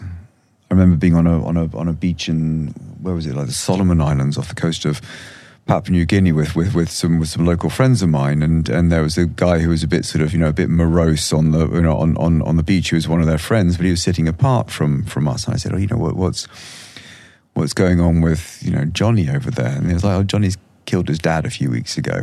Uh, I was like, okay, isn't he in jail? And, they, and these guys looked at me like I was crazy, going, why would he? Why would we send him to jail? He's clearly upset about what he's, you know, what he's done. He's suffering. He's suffering enough, and in that community, in that particular case, it was it was it was enough that everyone knew that this man had done something wrong. He'd known something. He'd done something wrong, and he was suffering for it. To incarcerate him and all that. I mean, it was just it was it was just it just kind of, story, it's a very weird way of looking at it, but you kind of had to had to had to respect it on some level. Well, maybe in a very small community, this is uh, this is always the possibility that the suffering is just that you have to deal with yourself. Like I will say, Did In- other people know? Sorry, back to back to your community in the church and all that. Did other people know what he had what he had done, or was this or was this kind of was this kept within the family? I think it was more kept within the family, but Okay. but but then but then I'd written that book. Like I feel like But was that was that a decision? Sorry to bring this back to, to, to shame again, because really, what we I mean, we, we, you've called this a shame, the Great Shame Show. a shame shame based podcast, but really, what we're talking about No, here no, is, that- is, is trauma. But was there a sense within the family that this was a shameful episode that couldn't couldn't be mentioned outside of the house?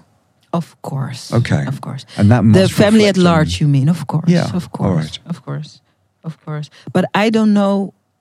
I don't know everything. I don't know all of it because I'm not there. My dad had some conversation. My dad had a confrontation. I don't know, but my dad would never wanted to share with me what happened. But I knew. I knew that some people didn't believe me, hmm and also I knew that some people felt like I should be ashamed, but not all of the family. Okay. Of course, not all of I and also I love that family. I love that family. So it's all it's very layered. It's it's it's um but the thing is that I never thought to press charges. For me, the most I could give it and and I think for me it's enough. And I can also if somebody's looking at this and judging like I'm also part of the m- maybe it happened after me and I'm also mm, partly responsible. I get this train of thought. I get it. I get it. I'm just but I am not on that train of thought. Like like I- I was truthful to my parents and I was truthful and I wrote my book and I I'm opening and I'm opening up these conversations. This is this is all I can bring and I wanted to bring. Yeah. And I hope that it makes a difference. It's also a big part of the way I work and how I work and the women I work with, even though that's more business related, but it has this as like the core of it that we express what is real to us, even if it's hard stories, difficult stories to tell. So, and that is what I had to give. And and I don't know if that's enough, but that's what I have to give. No, but I think I think it's a. I'm just I'm just I'm just trying to. It it feels it feels wrong for me to be in this in this in this position asking you these questions because because it just feels like a sort of it feels slightly impossible that I'm trying to extract more shame out of the situation. when You're like wrenching it for No, is yeah, exactly because because this is this is this is kind of the uh, the mission statement you've you've you've given me to talk about shame, but actually it it you strike me as someone who who's managed to to rise above this this this this is trauma over the years, and in fact, even there's there's there's bits of sort of post traumatic growth in every in everything that you've you've done, but there isn't that much. shame left. No, hmm. no, or, or even reason to be shameful in the you know first place. Reason, I mean, re- Yeah, yeah, it, it, yeah. shame is, is something that mocks you because it's it is unreasonable, but it's not a But you know what I did? Do you know what it is? I think, I think because the minute, and this is something, this is also something I talk about a lot with my, uh, with the women that are in my community. It- shame it can only exist. It, shame can only exist in the if it's not expressed. The minute you start expressing, the minute you it's already transforming now you see that you're not alone people you're opening up to new perspectives yeah like when i went into these retreats i got such new perspectives. And it just changed the story. And i feel like like when i wrote the book i was the week before the book was uh, coming out i just i, I was in a relationship. I was engaged. We never did get married but I'm throwing up every night. I threw up every night for like a week or so before this book comes out because the fear is like I'm going to tell this story of how um, this happened to me, and I'm just going to be damaged goods. This is my fear. Ah, I'm, ah, I'm ah. the Okay. people, the the world is going to know I'm damaged goods because that's what I, that's how I felt. No, no, that's that's that's that's that's a horrible thought to have in your head. Yeah, but that's how I felt. Yeah. But then, but that, but shame only has power when it's when it's like when it's not expressed. It's when it's in the dark. So, so now the book comes out, and then, uh, and the book didn't sell well at all. And it was, and I did promotion, and I I'm a really good promoter, but back then I wasn't that good a promoter. If I would re-release it, I think I could do the book a lot more justice. You know what I mean? Um, but it didn't sell very well. But but but the people who read it, just I got all these like messages, and people came up to me. Then I I start understanding we all share similar. Ex- it's not the same. St- it's not the same story, but we all share similar experiences. Yeah. Yes. So then I go to another retreat. And now I have to fix my relationship with my body because what happened when I was assaulted, my body went limp. Yes? And now I'm very disappointed because apparently I identify as a fighter, but apparently in the most important fight, my body shut down. I'm very angry also about this. Yes? it's not in my brain like this, but you know what I mean? And I feel like a lot of distrust in my body. I feel like at, the moment when it really counts, No, we, we, we talk about we talk about fight or fight or Yeah. or flight, but but we ignore freeze. I mean, freeze yeah, is, is that's what happened. But I couldn't, I didn't know. I didn't know back then. I'm still a lot younger, and now I'm just very disappointed as a whole. Like, I feel like at, when it's really, when it's the most important moment, my body just doesn't function. I feel that's no, that's it's not true. Is completely but wrong. I know, I know, but I didn't know that. And so I went to one of these retreats and I met this really wonderful guy and he really explained to me like no, that's your body like take like that's your body caring for you and that is your body making this just trying to survive a situation. You know what I mean? And it was just a new perspective for me. I'm like, and it's. Do you know what I mean? I, I feel like I'm. A, no, no, no, I know, I know exactly what you mean. The, I mean, look, it's, it's, it's, it's. I mean, this is what I know of from, from, you know, from sort of high, high risk situations. It's fight, flight, or, or, or freeze. But, but the, the point is, like in a, in the terrorist attacks in, in, in Paris. You know, some people, you know, tried to fight; they were killed. Some people tried to, to run, and they were they were killed. Some people just froze and slid down behind the sort of you know the, the knocked over cafe tables and they survived. So so so it's know, just, but- just a case of you- what, what the res- Yeah, no no no but but, but but you no, know this, but yeah, you- no but- one picked no one picked no one gets to pick I know. their response. I So know, but but res- this is but you know this because you your life is dedicated has been dedicated to like experiencing and researching. So you know this, but me as a twenty year old, I don't know this. No, no, no, of course like, not, of course not, but- up until up until that moment, like I'm from a violent neighborhood. I'm not afraid to fight. I had plenty of fights in my like I my ident my identity is a fighter. Do you know what I mean? Mm-hmm. I'm I'm up until I'm 20, I'm living from this identity of a fighter. Of course, but I guess that's that's one of the, in in these kind of in these type of crimes in these in these in these sexual type of of, of crimes, that sort of that freezing mechanism It's normal. Is normal. I know. but, but it's often the source of the the, the source of, of of shame, isn't it? I know. Let me tell you a story. Like a couple of weeks back, I had um, I did uh, an event. hmm Uh, so my clients are like women entrepreneurs, yes. And this beautiful, and I just and I always cry. I always cry, but I always cry also at my own events. And this I'm not feeling so bad now. what? I'm not feeling so bad now. If you cry all the time. I cry all the okay, time. Right, good. That's that's that's a relief, right? Yeah, definitely. I was feeling shame for making you cry. But oh no, it's fine. Okay, It's cool. fine.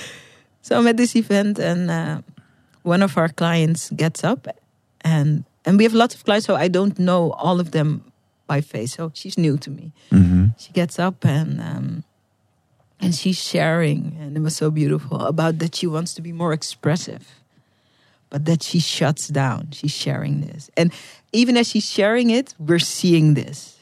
We're seeing this, and it's and also in a way it's beautiful. And then I was working with, uh, so it was me and a, a friend of mine who is a great coach from London. Her name is Christine. So Christine is just working on her with like helping her like um, connect to her body. Like, can she feel when she leaves her body? hmm Can she, and then gives her some tools to like return to her body. So this is happening. We're doing this, and and I just feel, and I and I always cry, and everybody, and nobody is ever worried about it. And I just, and I just, I'm so touched by it because now I understand. I understand this mechanism. I probably also understand where it comes from. It's not. That's not what it's about. Yeah. And then, um, and it's and she's just so beautiful and brave, and she's like, "Oh, it's happening again," and I feel like I have so much to express, but she just, I just leave, my, and I just want to stay present, and she's just really trying, and. I don't know. I started telling this. I don't know. I don't know where you're going with yeah, that. I'm almost done. Uh, let me just catch myself. And then, and then I could explain to her. Christine was doing all this work, Mhm. and, and now I could explain to her in just very like uh, regular, like stupid language. Like this is what I know. Mm-hmm. I used to hate this about my body, but now um, I don't hate it because I understand what it is. And then also I say you can also work with it. And then we created this very cool format for her that has this like as a form. And the reason I'm sharing this, I don't exactly know why I'm sharing this, but I feel like everything that I've learned and still I'm learning about all these misconceptions. A lot of trauma is also misconception. Mm-hmm. Misconception, but then with the worst story for yourself. This happened because, and then the worst story for yourself. And now we just get to reframe it. And then we just actually came up with a very cool format of her, and she can work with this leaving the body, coming, returning to the body, leaving. And, and it just became, and now it became something that is just fun and creative. Mm-hmm. And I feel like all of these things that all of this shame is just being transformed into like I don't know, cool stuff. I don't know. Okay. Very awesome. Very cool. I don't know if I explained it very well, but No, you did. maybe you had to be there. I don't know. No, you lost me there a bit. I'll, I'll, Yeah, I'll, I'll be honest. So we met uh, 2007. You're 24 Yeah. and kind of in the middle of in the middle of, of, of the shame and the trauma of what what happened to you. Yeah, but I wasn't very aware of it. But what because you were numb. way more than I am now. I'm not numb anymore. But when, of course, one of the things that's so smart about like numbness, you don't always know that you are. I didn't know. I didn't know. All right, but one of the reasons, well, the, the main reason why you reached out to me after all of these these years is because we had a conversation in in Cuba. Yeah, where we met. Tell me about that. So, so a year ago, I'm doing this business video, and I'm looking for an example of how sometimes it takes a really long time to understand something that someone has said to you. Yeah. And I'm doing this video, and it's a business related video, but I like to take examples that are non business related to clarify. And the point I want to uh, make is that somebody can tell you something, and it just can take years and years for you to understand what they said. Yeah. And I think of you. Because when we met in Cuba, I, I think we've only we've only we only we had only seen each other for like a couple of days. Mhm. You were there on like a writing assignment. I was, I was boxing. I was- yeah. there was- there was and you were amazing- writing about it also. Yes. Yeah. Yeah. And I don't know where we m- met or how. I, I can't remember. I was with my cousin, but I know that we joined you. You were boxing every day. And then I think we we joined you for a couple of days. Yeah. Do you remember? Yeah, yeah, yeah. We were we- the three of us went out to, to dinner and, and, Yeah. and drinks, and, and that went Yeah. on for, for for a while. And we had like all these cool conversations. But I remember, Mm-hmm. but I don't know if I remember correctly, that I was I was just um you were saying like some important, I feel like fairly important stuff. And I was very standoffish and always and not always, but and also arguing with you. I don't know. But I don't was that true? Yeah. yeah. and then you had you said something about I think it was either about love or about God. One of those. Not things. like me at Uh, all. okay. Yes, it's maybe you're just maybe trying to impress me. I don't know. Uh, No, yeah, that, yeah, that that sounds more like me at, at that age. I'm, That kind of- you're I'm just- shocked you remember me as a nice guy, but yeah, Yeah, and yeah, I remembered you being very nice. You're very shocked by that. That's yeah. that's interesting. Why are you so shocked by that? Well, that, I just it's yeah, I, I'm, I'm Because you weren't.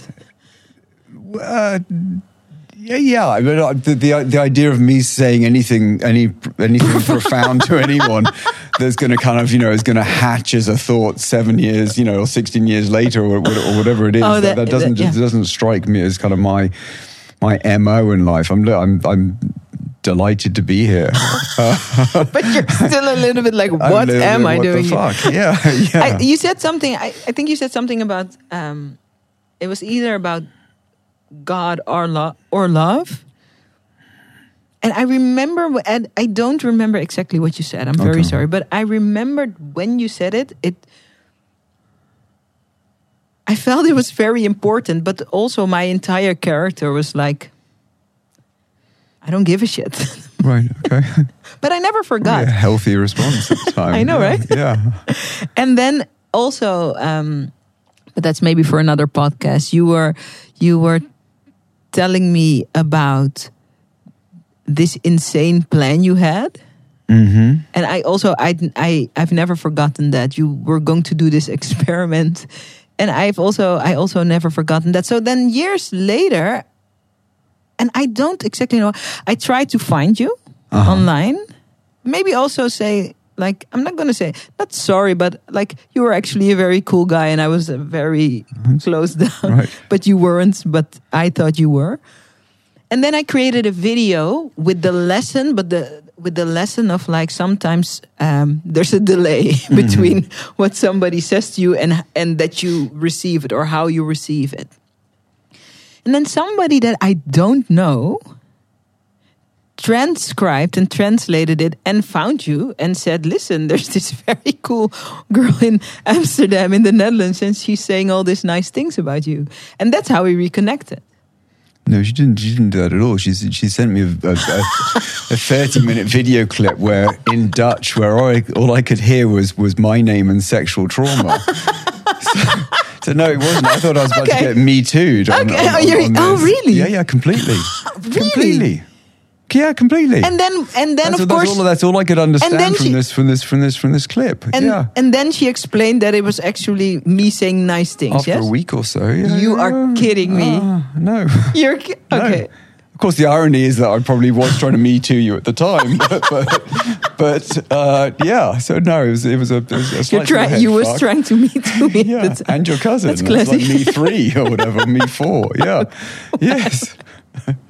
Um, Oh, so wow. yeah, no. So I guess that that's kind of what what brought us here. I still don't. I mean, I still don't quite understand what sort of magic words was I I, I said, which is what, what brought you know to do Yeah. with trauma and shame and all the kind of things where No, it wasn't we're word- talking about. It wasn't beautiful words about trauma, no.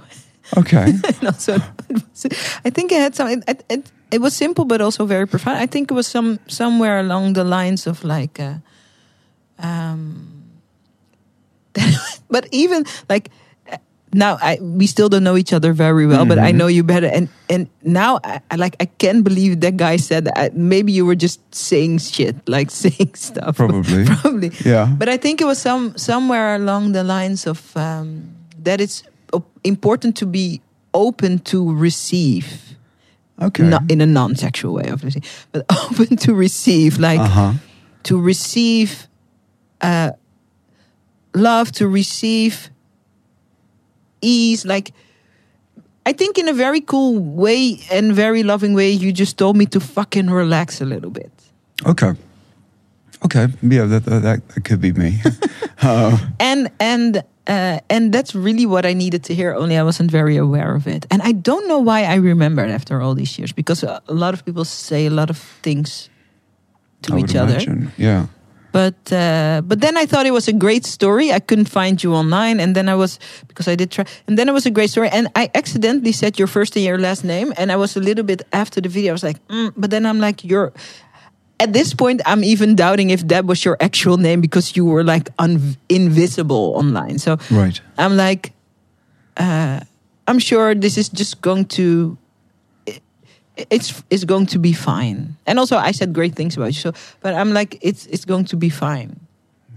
So far. yeah, yeah, okay. And now we're here. yeah. But I was still very when we met. I was very. I think the day I don't remember exactly how and when, but I think at, in in that vacation I also I also uh, had a panic attack in Mm-hmm. the, in the street. So then I, I was not a full blown, but like a panic type thing. And my cousin had to take me back to the hotel. So I was still in this phase of my life that that the trauma was just it would just I had no control over it, and I was still What what what provoked that? Do you a remember? very slight thing that happened, a very minor thing that happened in the street with a guy. Very, very. who reminded you of your uncle, or or or what was the what was the, the no, it was just link? like a, the, this, you know. So it was like me and my cousin. It's two girls. We're on a vacation. Um, it's Cuba. It's just the streets. It, it's. It was just one a, a- pushy guy in the street, but to be it, to be very fair, like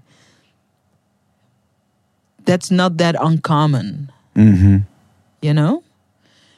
But for some reason, it struck a chord, and I was a a little bit panicked. That's I mean, but that sounds like I mean, that sounds like post traumatic stress disorder, doesn't it?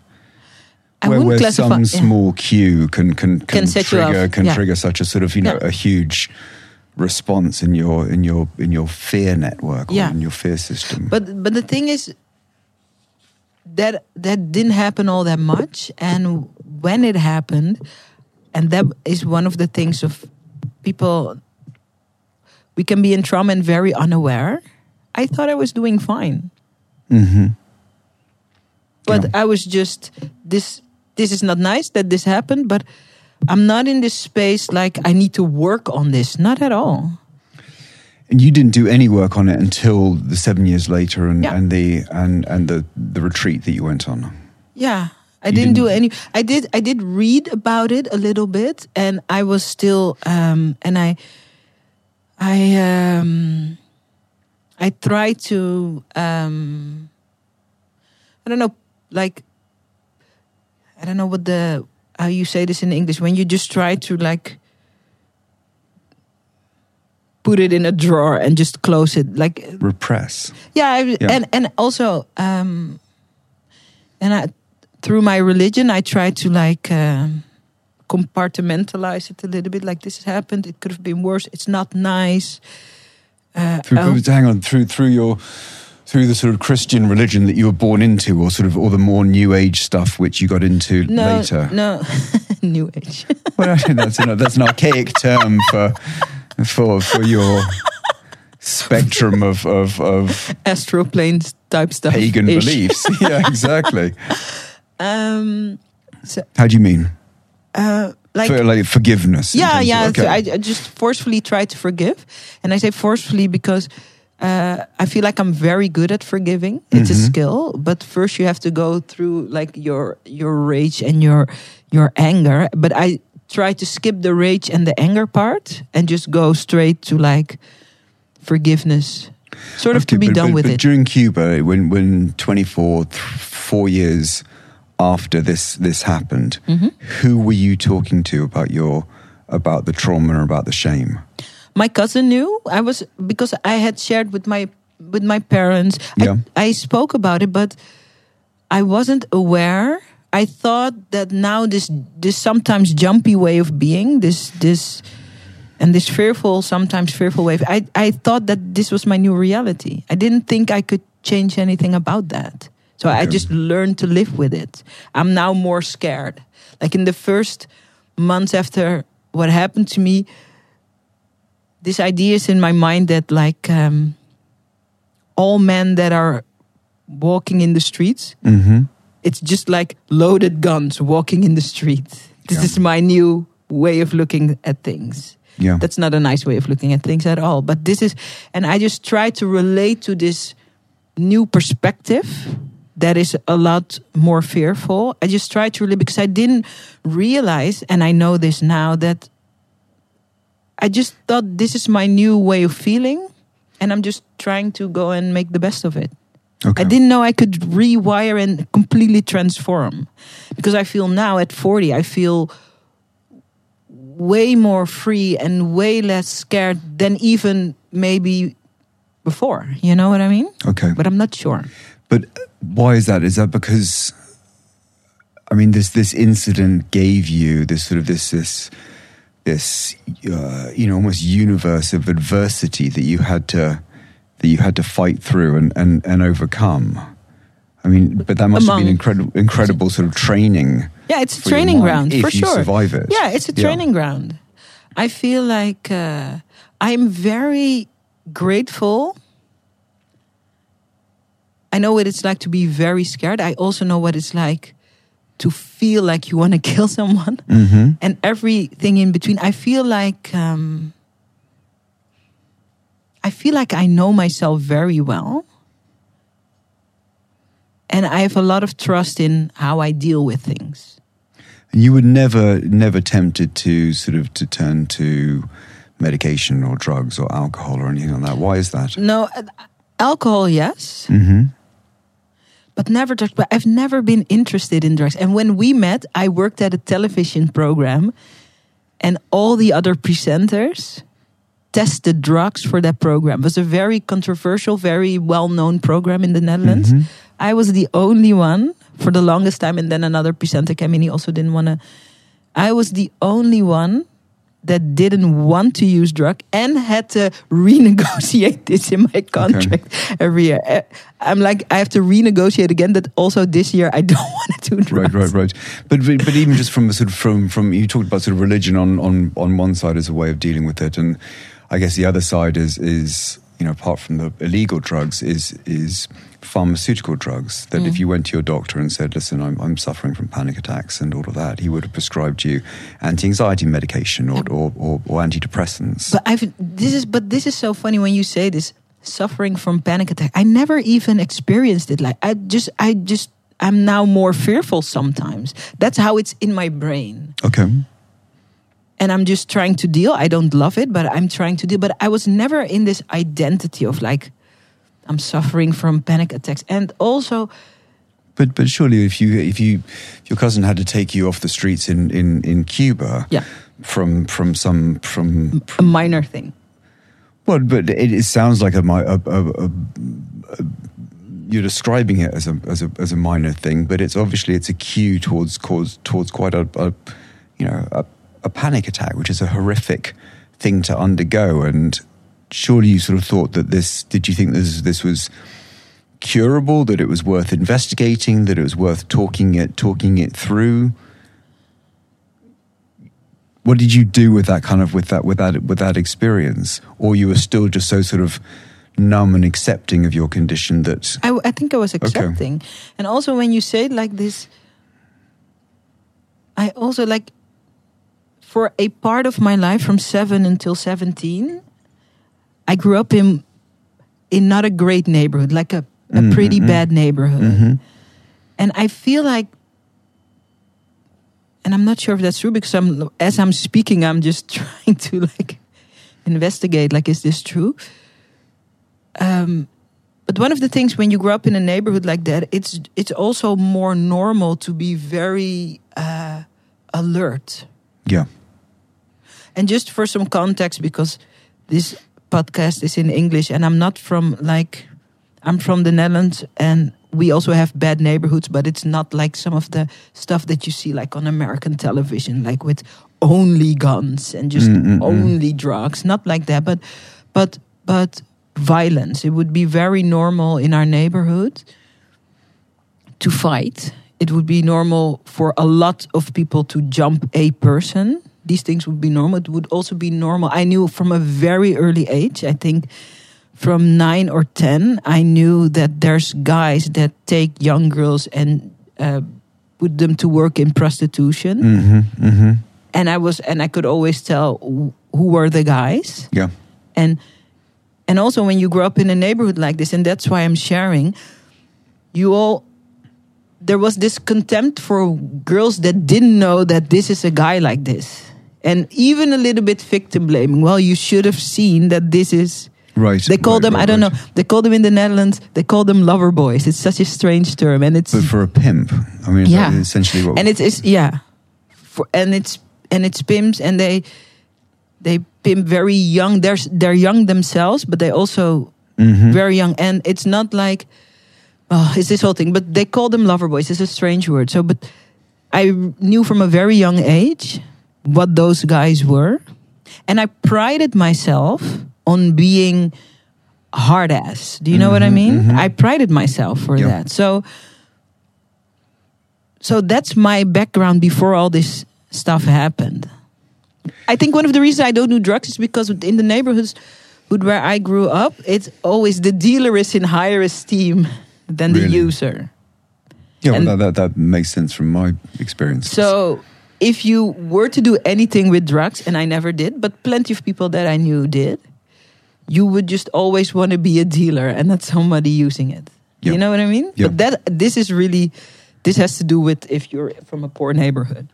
No, but it's but it's it's it's interesting. In the last you know the twenty years or so, we've had kind of a revolution in how we understand post traumatic stress disorder, and most of that comes from uh, the war on terror and lots of young men and women, but but mostly mostly men, especially Americans, going off and, and, and, and fighting this. And if you have this sort of this huge data set, then you get to sort of begin to understand post traumatic stress a bit a bit better. And and uh, you know, I think Americans are also slightly more sort of you know they they have a greater a, a larger common vocabulary of psychological Mm. terms you know on on mm. the whole. So they seem to be kind of leading leading the way in terms of post traumatic stress disorder. But what they're also finding out is that is that you know soldiers can go off and and and, and serve and maybe sort of 10% of those will actually go off and do the fighting. The other 90% will will will kind of will stay on the big bases and do mm-hmm. you know and do mm-hmm. incredible work in in in support of those soldiers. But actually you look at a poor neighborhood back in back in America, especially a poor black neighborhood, you're more likely to suffer from post traumatic stress For just sure. growing up in that neighborhood For than sure. than I you ca- would if you go to war. Like I'm from Europe, so I don't know, but I can totally relate. Yeah. So when you're saying like this horrific thing and you had this panic attack, it for me it was also normal to be very watchful in the streets. Yes. And for me, it's also more normal through that part of my childhood.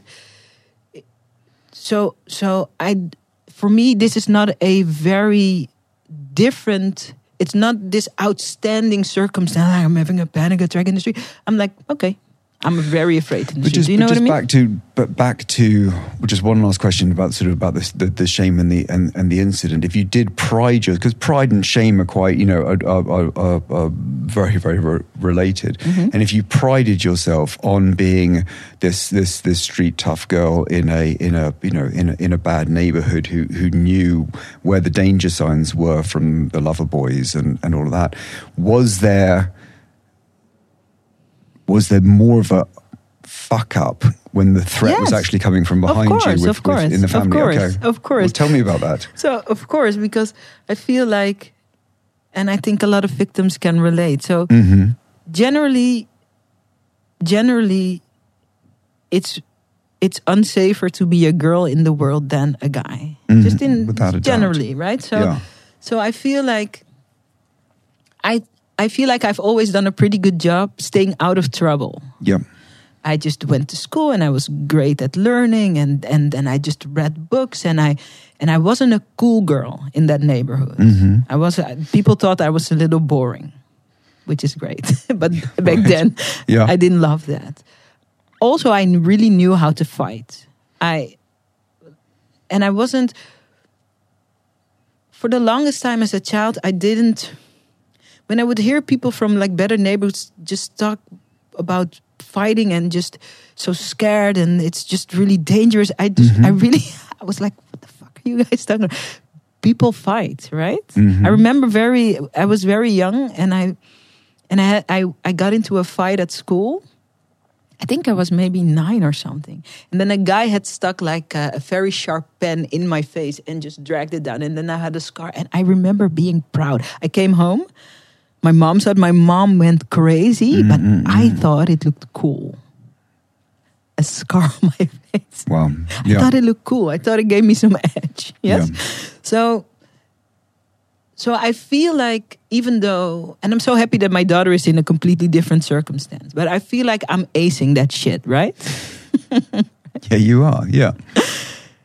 And then this happens. And I mm-hmm. didn't see it coming. hmm And also it's somebody that I love. And I he knows that I love him. And I just felt weak, like I failed. No? Yeah, no, that that that would. I can see. I can see. That's why I asked the question. I can Yeah. see that that would be that would that would fuck with my head. Yeah, and mean, I, it's, would. It's, it's built on a complete. It's built on a total and utter fallacy, and actually I most most of these type of, uh, of of predators operate within the house rather than. Within I know The, within it's the hardly Mm-hmm. it's hardly the guy that jumps from the bushes, and it's always somebody you know. It's always somebody you have this relationship with. It's always somebody that knows your weaknesses. Like my uncle knew that my I love my brother, and my brother is going through a rough time, and he needs his dad, so he takes that and he just throws it in my face.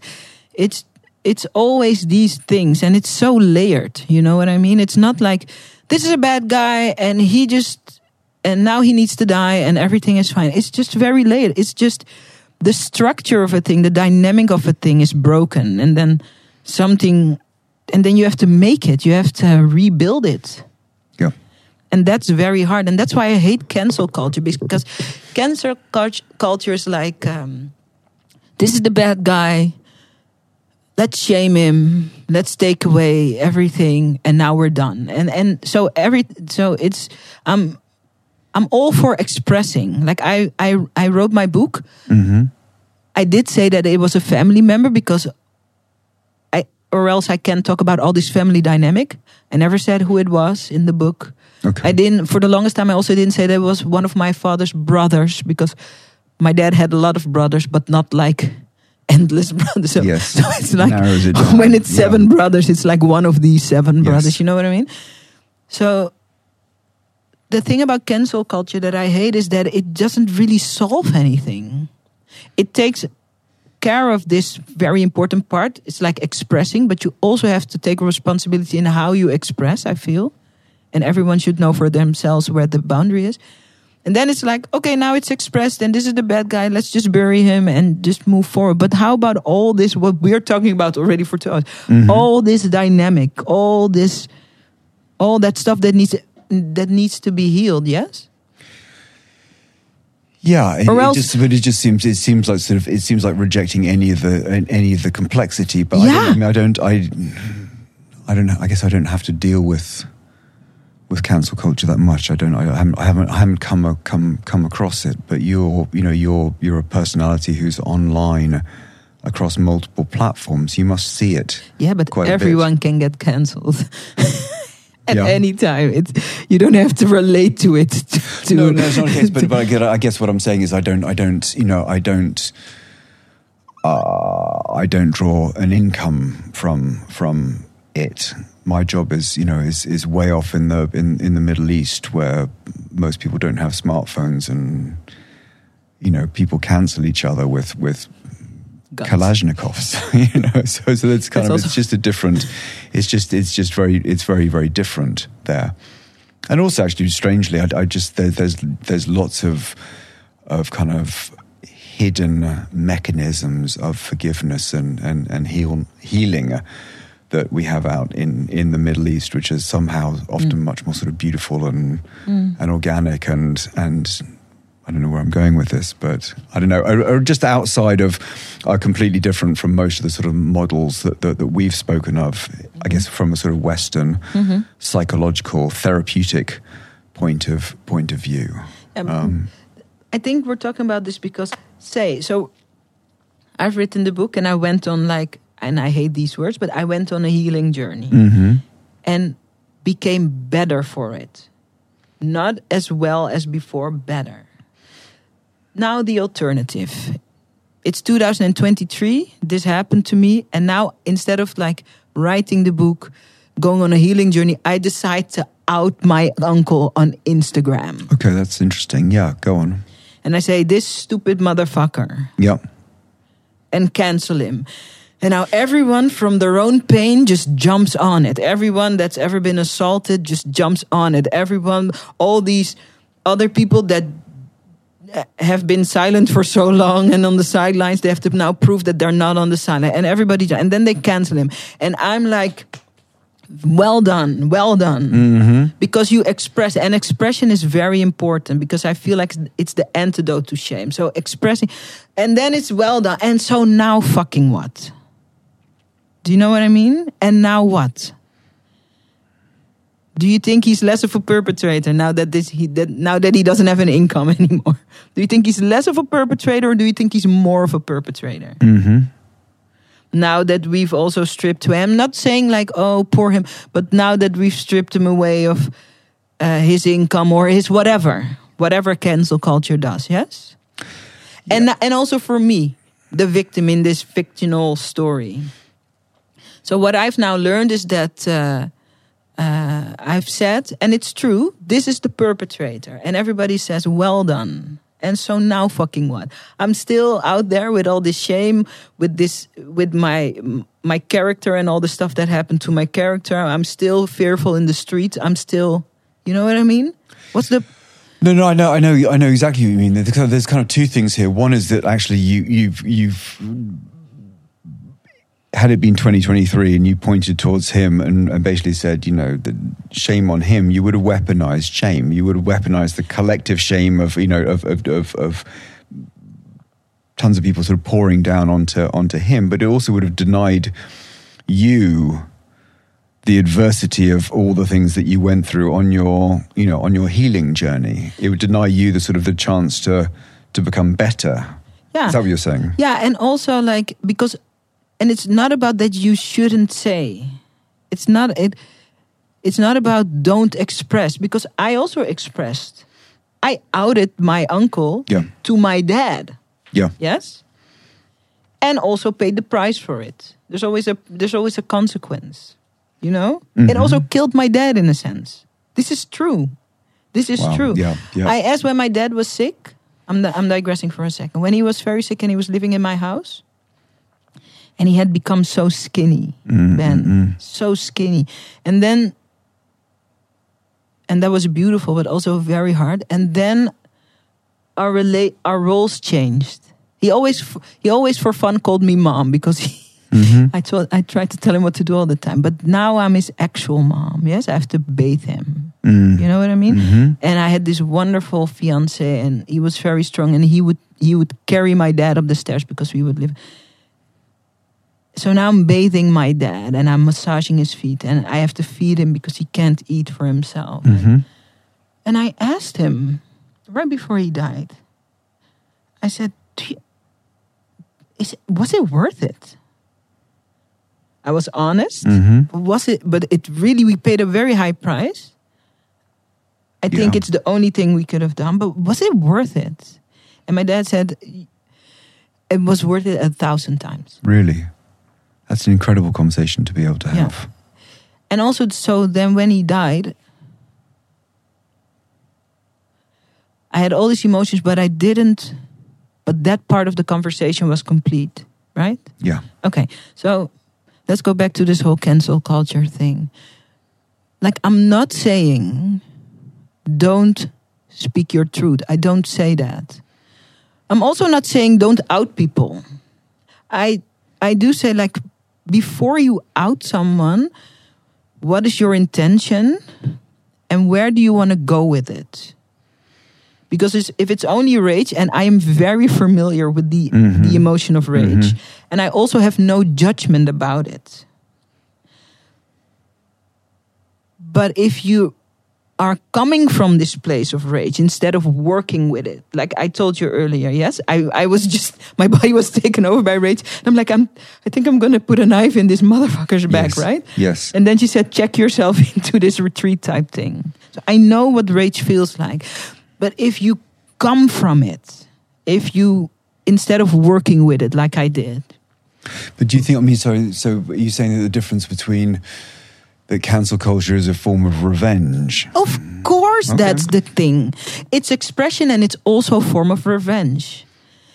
And I understand this because I really also know what it feels to be vengeful. I remember when I hadn't processed anything, I saw an interview of an American actress named Gabrielle Union, very beautiful black actress. Mm-hmm. And she shared how she, at 18, been raped and killed her perpetrator. And I felt jealousy that she Oh, killed yeah. him. Yeah. I was so jealous. I'm like, I'm like, oh, I was just only frozen, but she actually killed. So I understand this. Do you know what I mm-hmm. mean? I, mm-hmm. I felt actual jealousy. And of course, I was ashamed about that also. But if cancel culture is only is more about revenge and less about expression, I feel like everyone's gonna lose, right? Because in this realm of revenge, there's no work for the victim. Do you know what I mean? Because no, that, that that's exactly what I was saying in terms of it denying you adversity, valuable adversity Yeah. that you can use to sort of to you have to, work with it because it already trauma. happened. Yeah. So you have to work with it. Like I'm thinking, Have you spoken to people who've been in similar situations and taken the sort of the cancel culture route? I don't know if it, maybe not in terms of sexual violence, Mhm. but I know plenty of people that. Mhm. Uh, And what what how did how did their the end of their story differ from yours? Where do they wind up in in, in, the end in terms of their journey? you just stay in your rage because you throw it out there and a reaction is there and then that person is cancelled or it's not cancelled. But but it you you are still in your rage. And it's a and it's a very understandable rage. I get it. But for me i feel like a lot of my life started after mm-hmm. after the rage was released. I feel like my actual life started after that. So um what i want what i would love for them is to is to not get I don't know not get stuck in that and i feel cancel that's- culture That's kind of what my question is is now. I mean, why why why are we having this conversation with microphones when we could just be having it with with you know over over a cup of tea? yeah because i like i feel like so we're in interesting times and Mm-hmm. I feel like there's a lot of things that are open for debate and are able to be talked about more than maybe ever before. But sometimes I really miss those deeper layers. So when we talk about trauma or when we talk about victim perpetrator or when, when we talk about shame or Mm-hmm. um, a lot of those conversations are pretty level surface and i feel like there's so much to be gained Why do you think they're level surface at the moment? Becau- Because because I mean this is we live in we live in interesting times for for many different reasons, but it does seem that that you know especially women, but also men to to to some degree are talking more freely about mental health than they've than they've ever done in the past. Why do you think that's just just surface? because in order to like go into the depth of what these things are Mhm. you have to release this construct of the victim and the perpetrator. This construct is the restriction for the depth. Okay. do you know what i mean? Oh yeah, it's a, it's a it's a it's a huge thing to try and uh, try and deal with, especially if you're looking looking at sort of uh, uh, sound bites because they're sort of they're i know. You're just so explain it. We have some time. like in this in this structure of like when i you know when the true forgiveness came for my uncle Mm. when i saw him with his grandchild i saw him playing with his grandchild because i we never spoken after what happened but i did see him twice at some family function things and i was i would go to this family function and my mom would go with me and i would just be very nervous but also i want to be with my family and i want to Mhm. be with and then i saw him playing with his grandchild and i was so shocked i'm like he's also somebody's granddad Yeah. and then I realized, like, in my mind, he's only a perpetrator at this point. Yeah, he used to be my uncle. Now he's only. And then I thought maybe if he's not only a perpetrator, maybe then I'm not only a victim, and that gave me some space. Yeah. No, that's huge. Okay. Do you know what I mean? yeah, mean? completely. So, some of these conversations that are very anchored into uh, it's only the victim and the perpetrator, and the victim is this very uh, um, confined role, and then the perpetrator is this very confined. It's so you get stuck in this, but it means that if a per, if a victim is more than just what the bad thing that happened to her Mhm, or mhm. him, then the perpetrator is more than the bad thing he did or she did. That shows an amazing amount of forgiveness. I mean, they, they, they're just of, of tolerance. So you're saying, okay, yeah, so you can't have one without the other. Of course. That's huge. But I feel like this is why. So this is, and the minute that we're aware, now we can investigate all this stuff. Now we can work with some shame, we can work with some trauma, maybe some forgiveness. But as long as I think you are just the perpetrator, then I'm just the victim, and then I'm just stuck in that in that identity. What do you think about the term survivor? I don't love it. I do not like it. You hate it, yeah, okay, that's all what I right. wanted to say. All right. Why? I Talk me say. through it. I, I think I think Destiny's Child made a great song about it. No, what is it? It's called Survivor. Okay. It's a very cool pop I've song. Seen that one. All right, coming. Okay, no. So I, I also think it's a great song, and also I don't love it. And I don't know why I don't love it.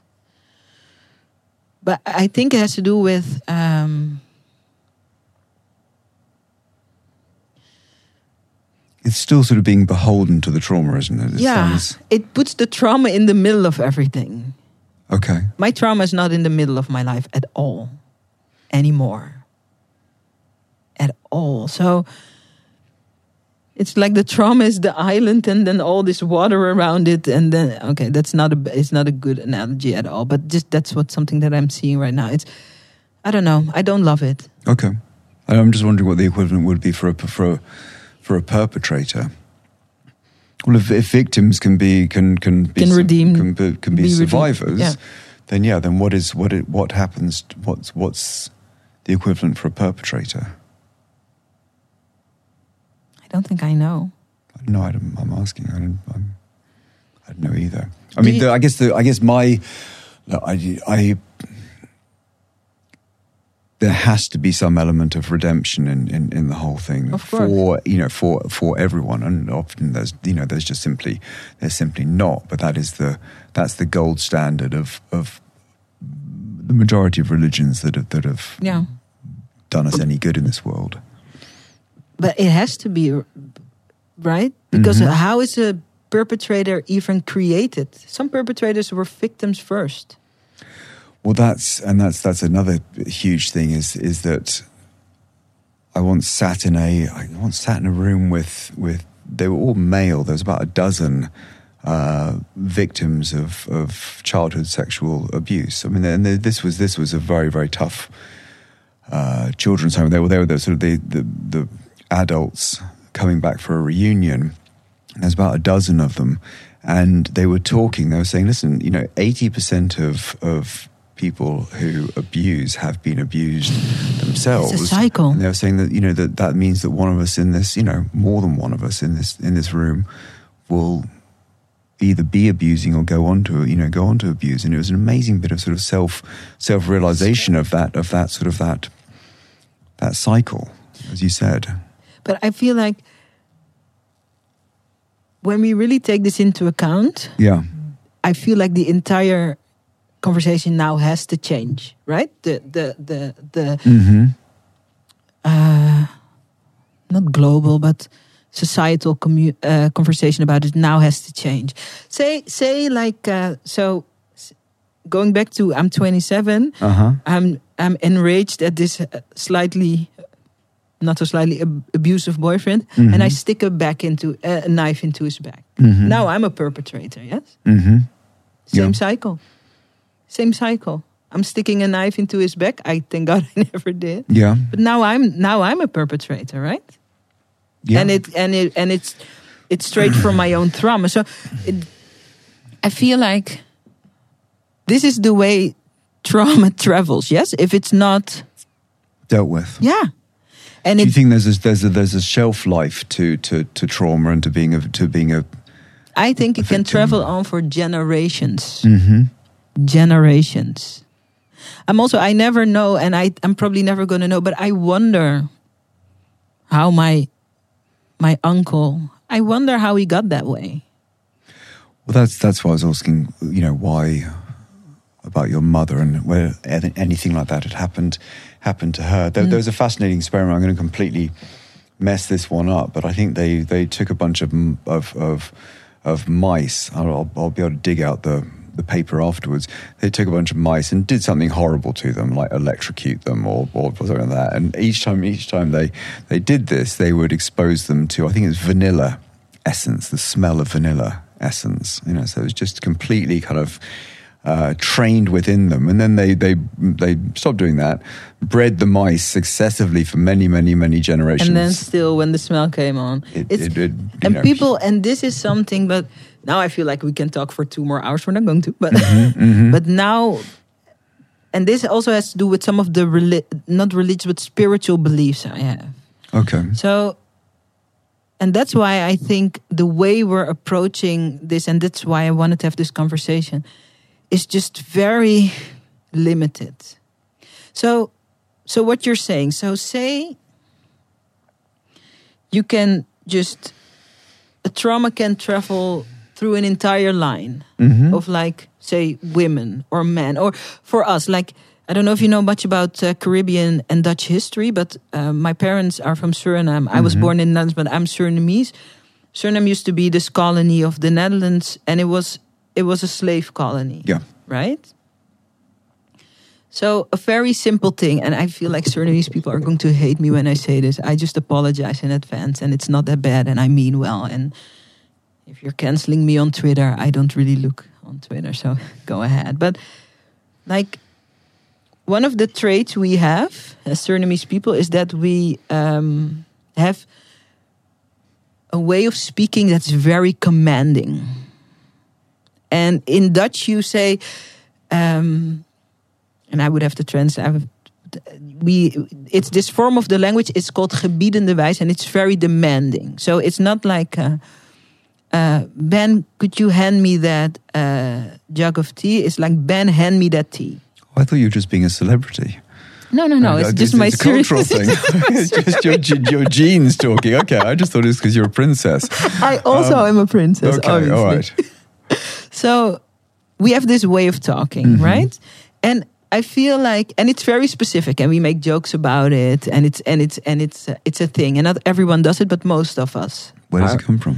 And it just if you just trace it back, and people hate it when you start speaking like this. It's just, but it's just the way that slave owners would talk to slaves. Wow. Do you know what I mean? No, but I can imagine. I mean, that's and that's and, that's. and and it's not i'm not saying this is traveling through our dna but it's just it's just habit no, but that's. I mean, that's. It can. It can certainly be a. Uh, a shockwave within within sort of the culture of a of a, of yeah a but if community you like have to imagine for for some for That's some hundreds of years that's the only way people spoke to black people and then black black people also spoke to each other like that and now it's five or maybe it's more than 500 years later There's still that wave is still traveling. And this is how things work. So when you become aware of this, Uh huh. there's so much work you can do for yourself. I'm questioning, investigating everything in my life. Mm-mm-mm. Every thought that I have. It's fun. That's why I don't watch TV. I'm questioning my beliefs instead. I don't watch Harry and Meghan. I'm mm-hmm. questioning my fucking beliefs instead. That's you know what I mean? Place to be. And I'm just trying to figure out where does it come from. And it's there's nothing wrong with speaking like this. But I can also choose. Mm-hmm. Like I don't speak to my I I sometimes do. But I try to be very mindful. Not because of anything, but I'm just trying to experiment like see if there's a different outcome, you know what I mean? I don't want to only speak gebiedende wijs tegen against my child, you know what I mean? What about what about with uh, with shame, the, the subject of all of this? What um, what are the what are the easiest steps that you've learned on your journey to to to escape escape the sort of the, the cycles of shame? Oh, to just you have to go right in it. but but I, thought- I thought the whole problem it. with shame is being is, is being too inside your head. What do you mean? No, you have to go right into in express it and just be in the sentiment of it. I was uh, so my my hobby now is trauma therapy, yes. Uh huh. And then uh, and I go to these retreats and we do all these crazy meditation type things. Yeah. And one of my favorites, one of my favorites, they call it inquiry. I don't know if I say it right. And it's very simple. It's it's a little bit like what we're doing here. It's you put a timer for five minutes. There's two people. You have to be engaged and be in contact. Only one is talking, the other one is listening. Mm-hmm. But you can, the one that's listening, can't really respond, but has to be present. This sounds very easy. It's very hard. So, so bearing witness is. as Yeah, but very actively bearing witness. Uh-huh. But you can't in any way um, react. And you don't have to be all stoic about it. But for instance, say you are sitting and you're talking about, I don't know, you're talking about uh, how you're just so in love with this girl and she broke your heart. Mhm. Yeah. hmm Now I'm listening. I can't I can't even nod. Okay. I can't even nod. I just have to take it in and be be with it. So now in this it's a really fun thing. We can try it later if you want Right. after all this No. talking.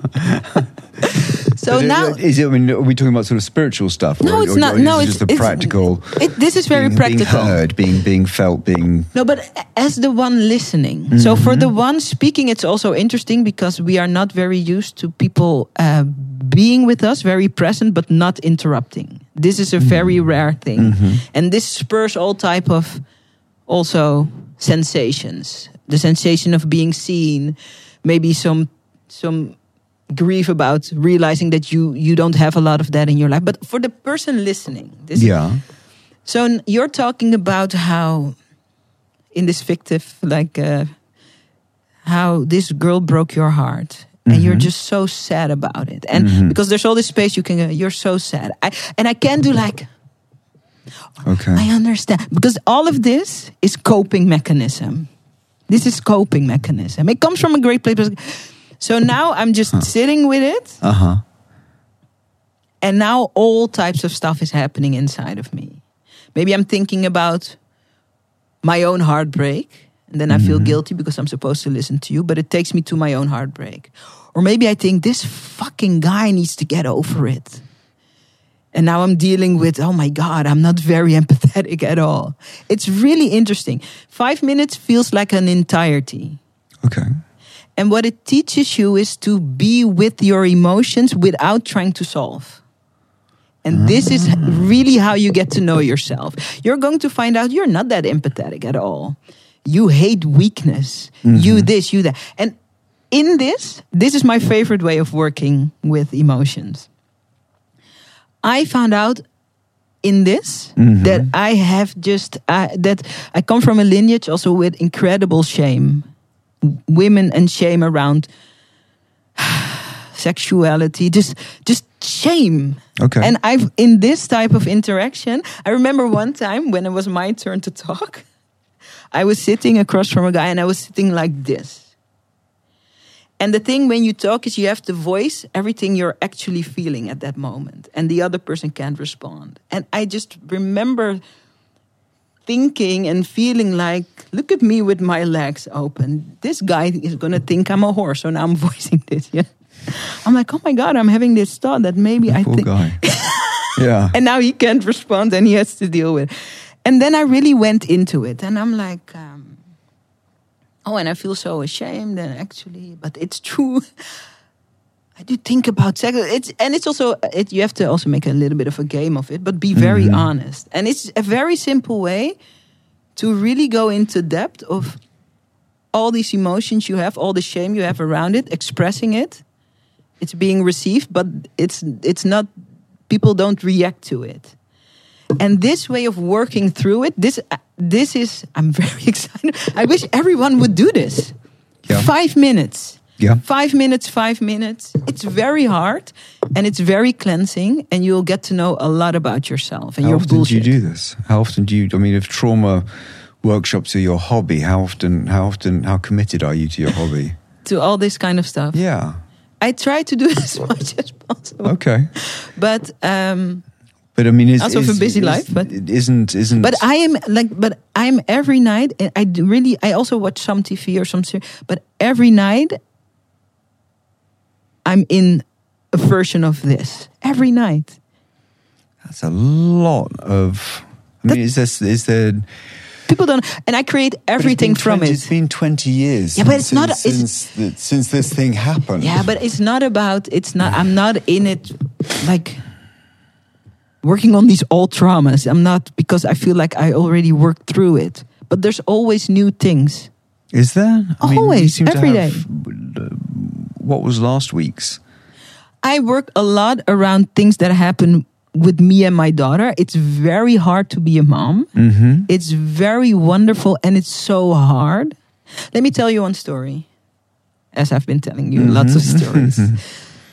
like very recently, like um, I have a lot of time to spend with my daughter. I created like my entire company is structured in a way that I have a lot of time to spend with her because that's very important. Because when I grew up, I feel like my mom had to work very hard and we mm-hmm. missed her a lot. Mm-hmm. But she was working for the family. Parents are divorced. And the price we paid was that there wasn't much of a family yeah. life. As I'm sure many people that know struggle can relate to, yes? Mhm. So I very consciously created my business, which is a very big business, uh, for me to have lots of free time to spend with my child. Yes, and we do all these cool things, and it's so confronting for me, Go on. you know. So, um, for instance, my daughter, I had a period, at a time that a period that my daughter just wants me when she goes to sleep, she wants me to lay next to her Mm-hmm. and cuddle her in a certain type of way until she falls asleep. And it can take like up to like 20 or 25 minutes. And she's like, Bless. Mom, can Yeah. you, can you? And then for a while, I had a, I, and I, and of course I do that and I also like it. And I feel very rich that we are Mhm. able to do that. But for a while, I just, I think for a week or maybe two, after she was asleep, I just, I just cried like for my own. For your own childhood. Yeah. Mourn, Yeah. But mourning your, Yeah. your what you didn't Yeah. have. Okay. Yeah. So that's something I will take into this practice. Do you know what I mean? Yeah, no, that's beautiful. That- That's a fun, spectacular example. I, But uh, so it's these things. I'm not like still hung up on that old trauma, but I feel like I've learned that old trauma taught me this way of like very Navy SEALs type way of processing my mm, mm, mm. emotions. And That's I use it for everything. It's also the reason that my business is so successful. Because everything, every time there's a hiccup, and there's always lots of hiccup in business. Mm-hmm. Like a business is always solving problems, so there's always lots of problems this is the way I investigate what's wrong. It could be a team member that's not functioning. Could be a plan that I have. This is what this is the majority of my, people think I work very hard and I don't because I do this shit all the time. And it's just really the fastest way. just to clear the decks. Yeah. I'm just clearing a lot. I'm not even and then I have great energy in the sense of like I have a lot of energy. Mm-hmm. But I'm sure there's way better business people out there. I'm sure there's people with way better, but I'm just clearing the deck all the time. And people perceive it as you have a really easy life or an easy business. I'm like, yeah, but I'm fucking sweeping the deck like 30 hours a week, right? But, I mean, that's that's. I mean, that's best practice, and that's kind of you know not at the end of your journey, but but certainly you're well underway, and you're you're you're you're highly trained in that I'm of very- methodology yeah. now. If someone was was listening or watching this right now and just about to start that journey, what would you what would what is the first practical step that they can do the second they they Something finish this? okay so something terrible has happened you feel like this is uh, affecting you but you don't really know how or when Mm-hmm. The first thing i would say is to express it find somebody you feel safe with and just Mhm. start sharing and then i hope it's the person that respects you enough to don't to not spoil the moment for you by just trying to console you just be a safe space for you Okay. to express. I feel like that's also what I do in my business. Mostly, I'm just a safe space and people can express anything. anything, anything, anything. Is that person that they go to? Is that is that you? Would you recommend a, a, a friend or a professional counselor or a, psychologist or a, or a, yeah. or a trauma specialist? I think a trauma specialist is best, but sometimes that's a very big step for people. Okay. So maybe start with a good friend, but then really you have to work with the trauma. You just you or or or or just die slowly every day, a little bit dying. That's only the only that's really the only options. Or it's like slowly dying a little bit every day, but ever so slightly or you have to work with it. But then when you start working with it, you become fucking magical because when you can process your emotions like this, That's kind of black belt level, isn't it?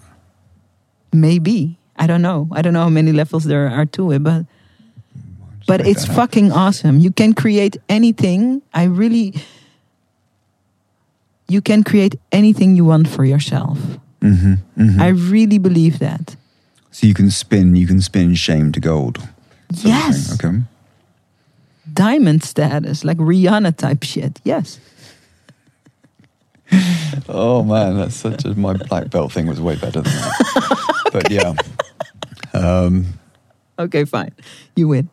that's a pretty good, um, pretty good place to end. I think so too.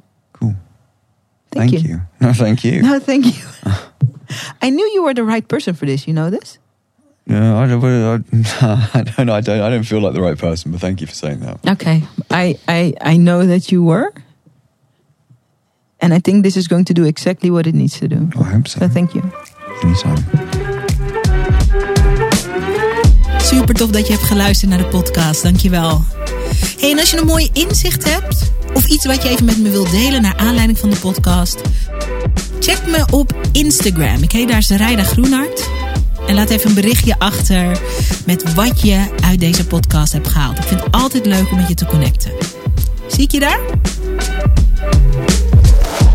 Thank you.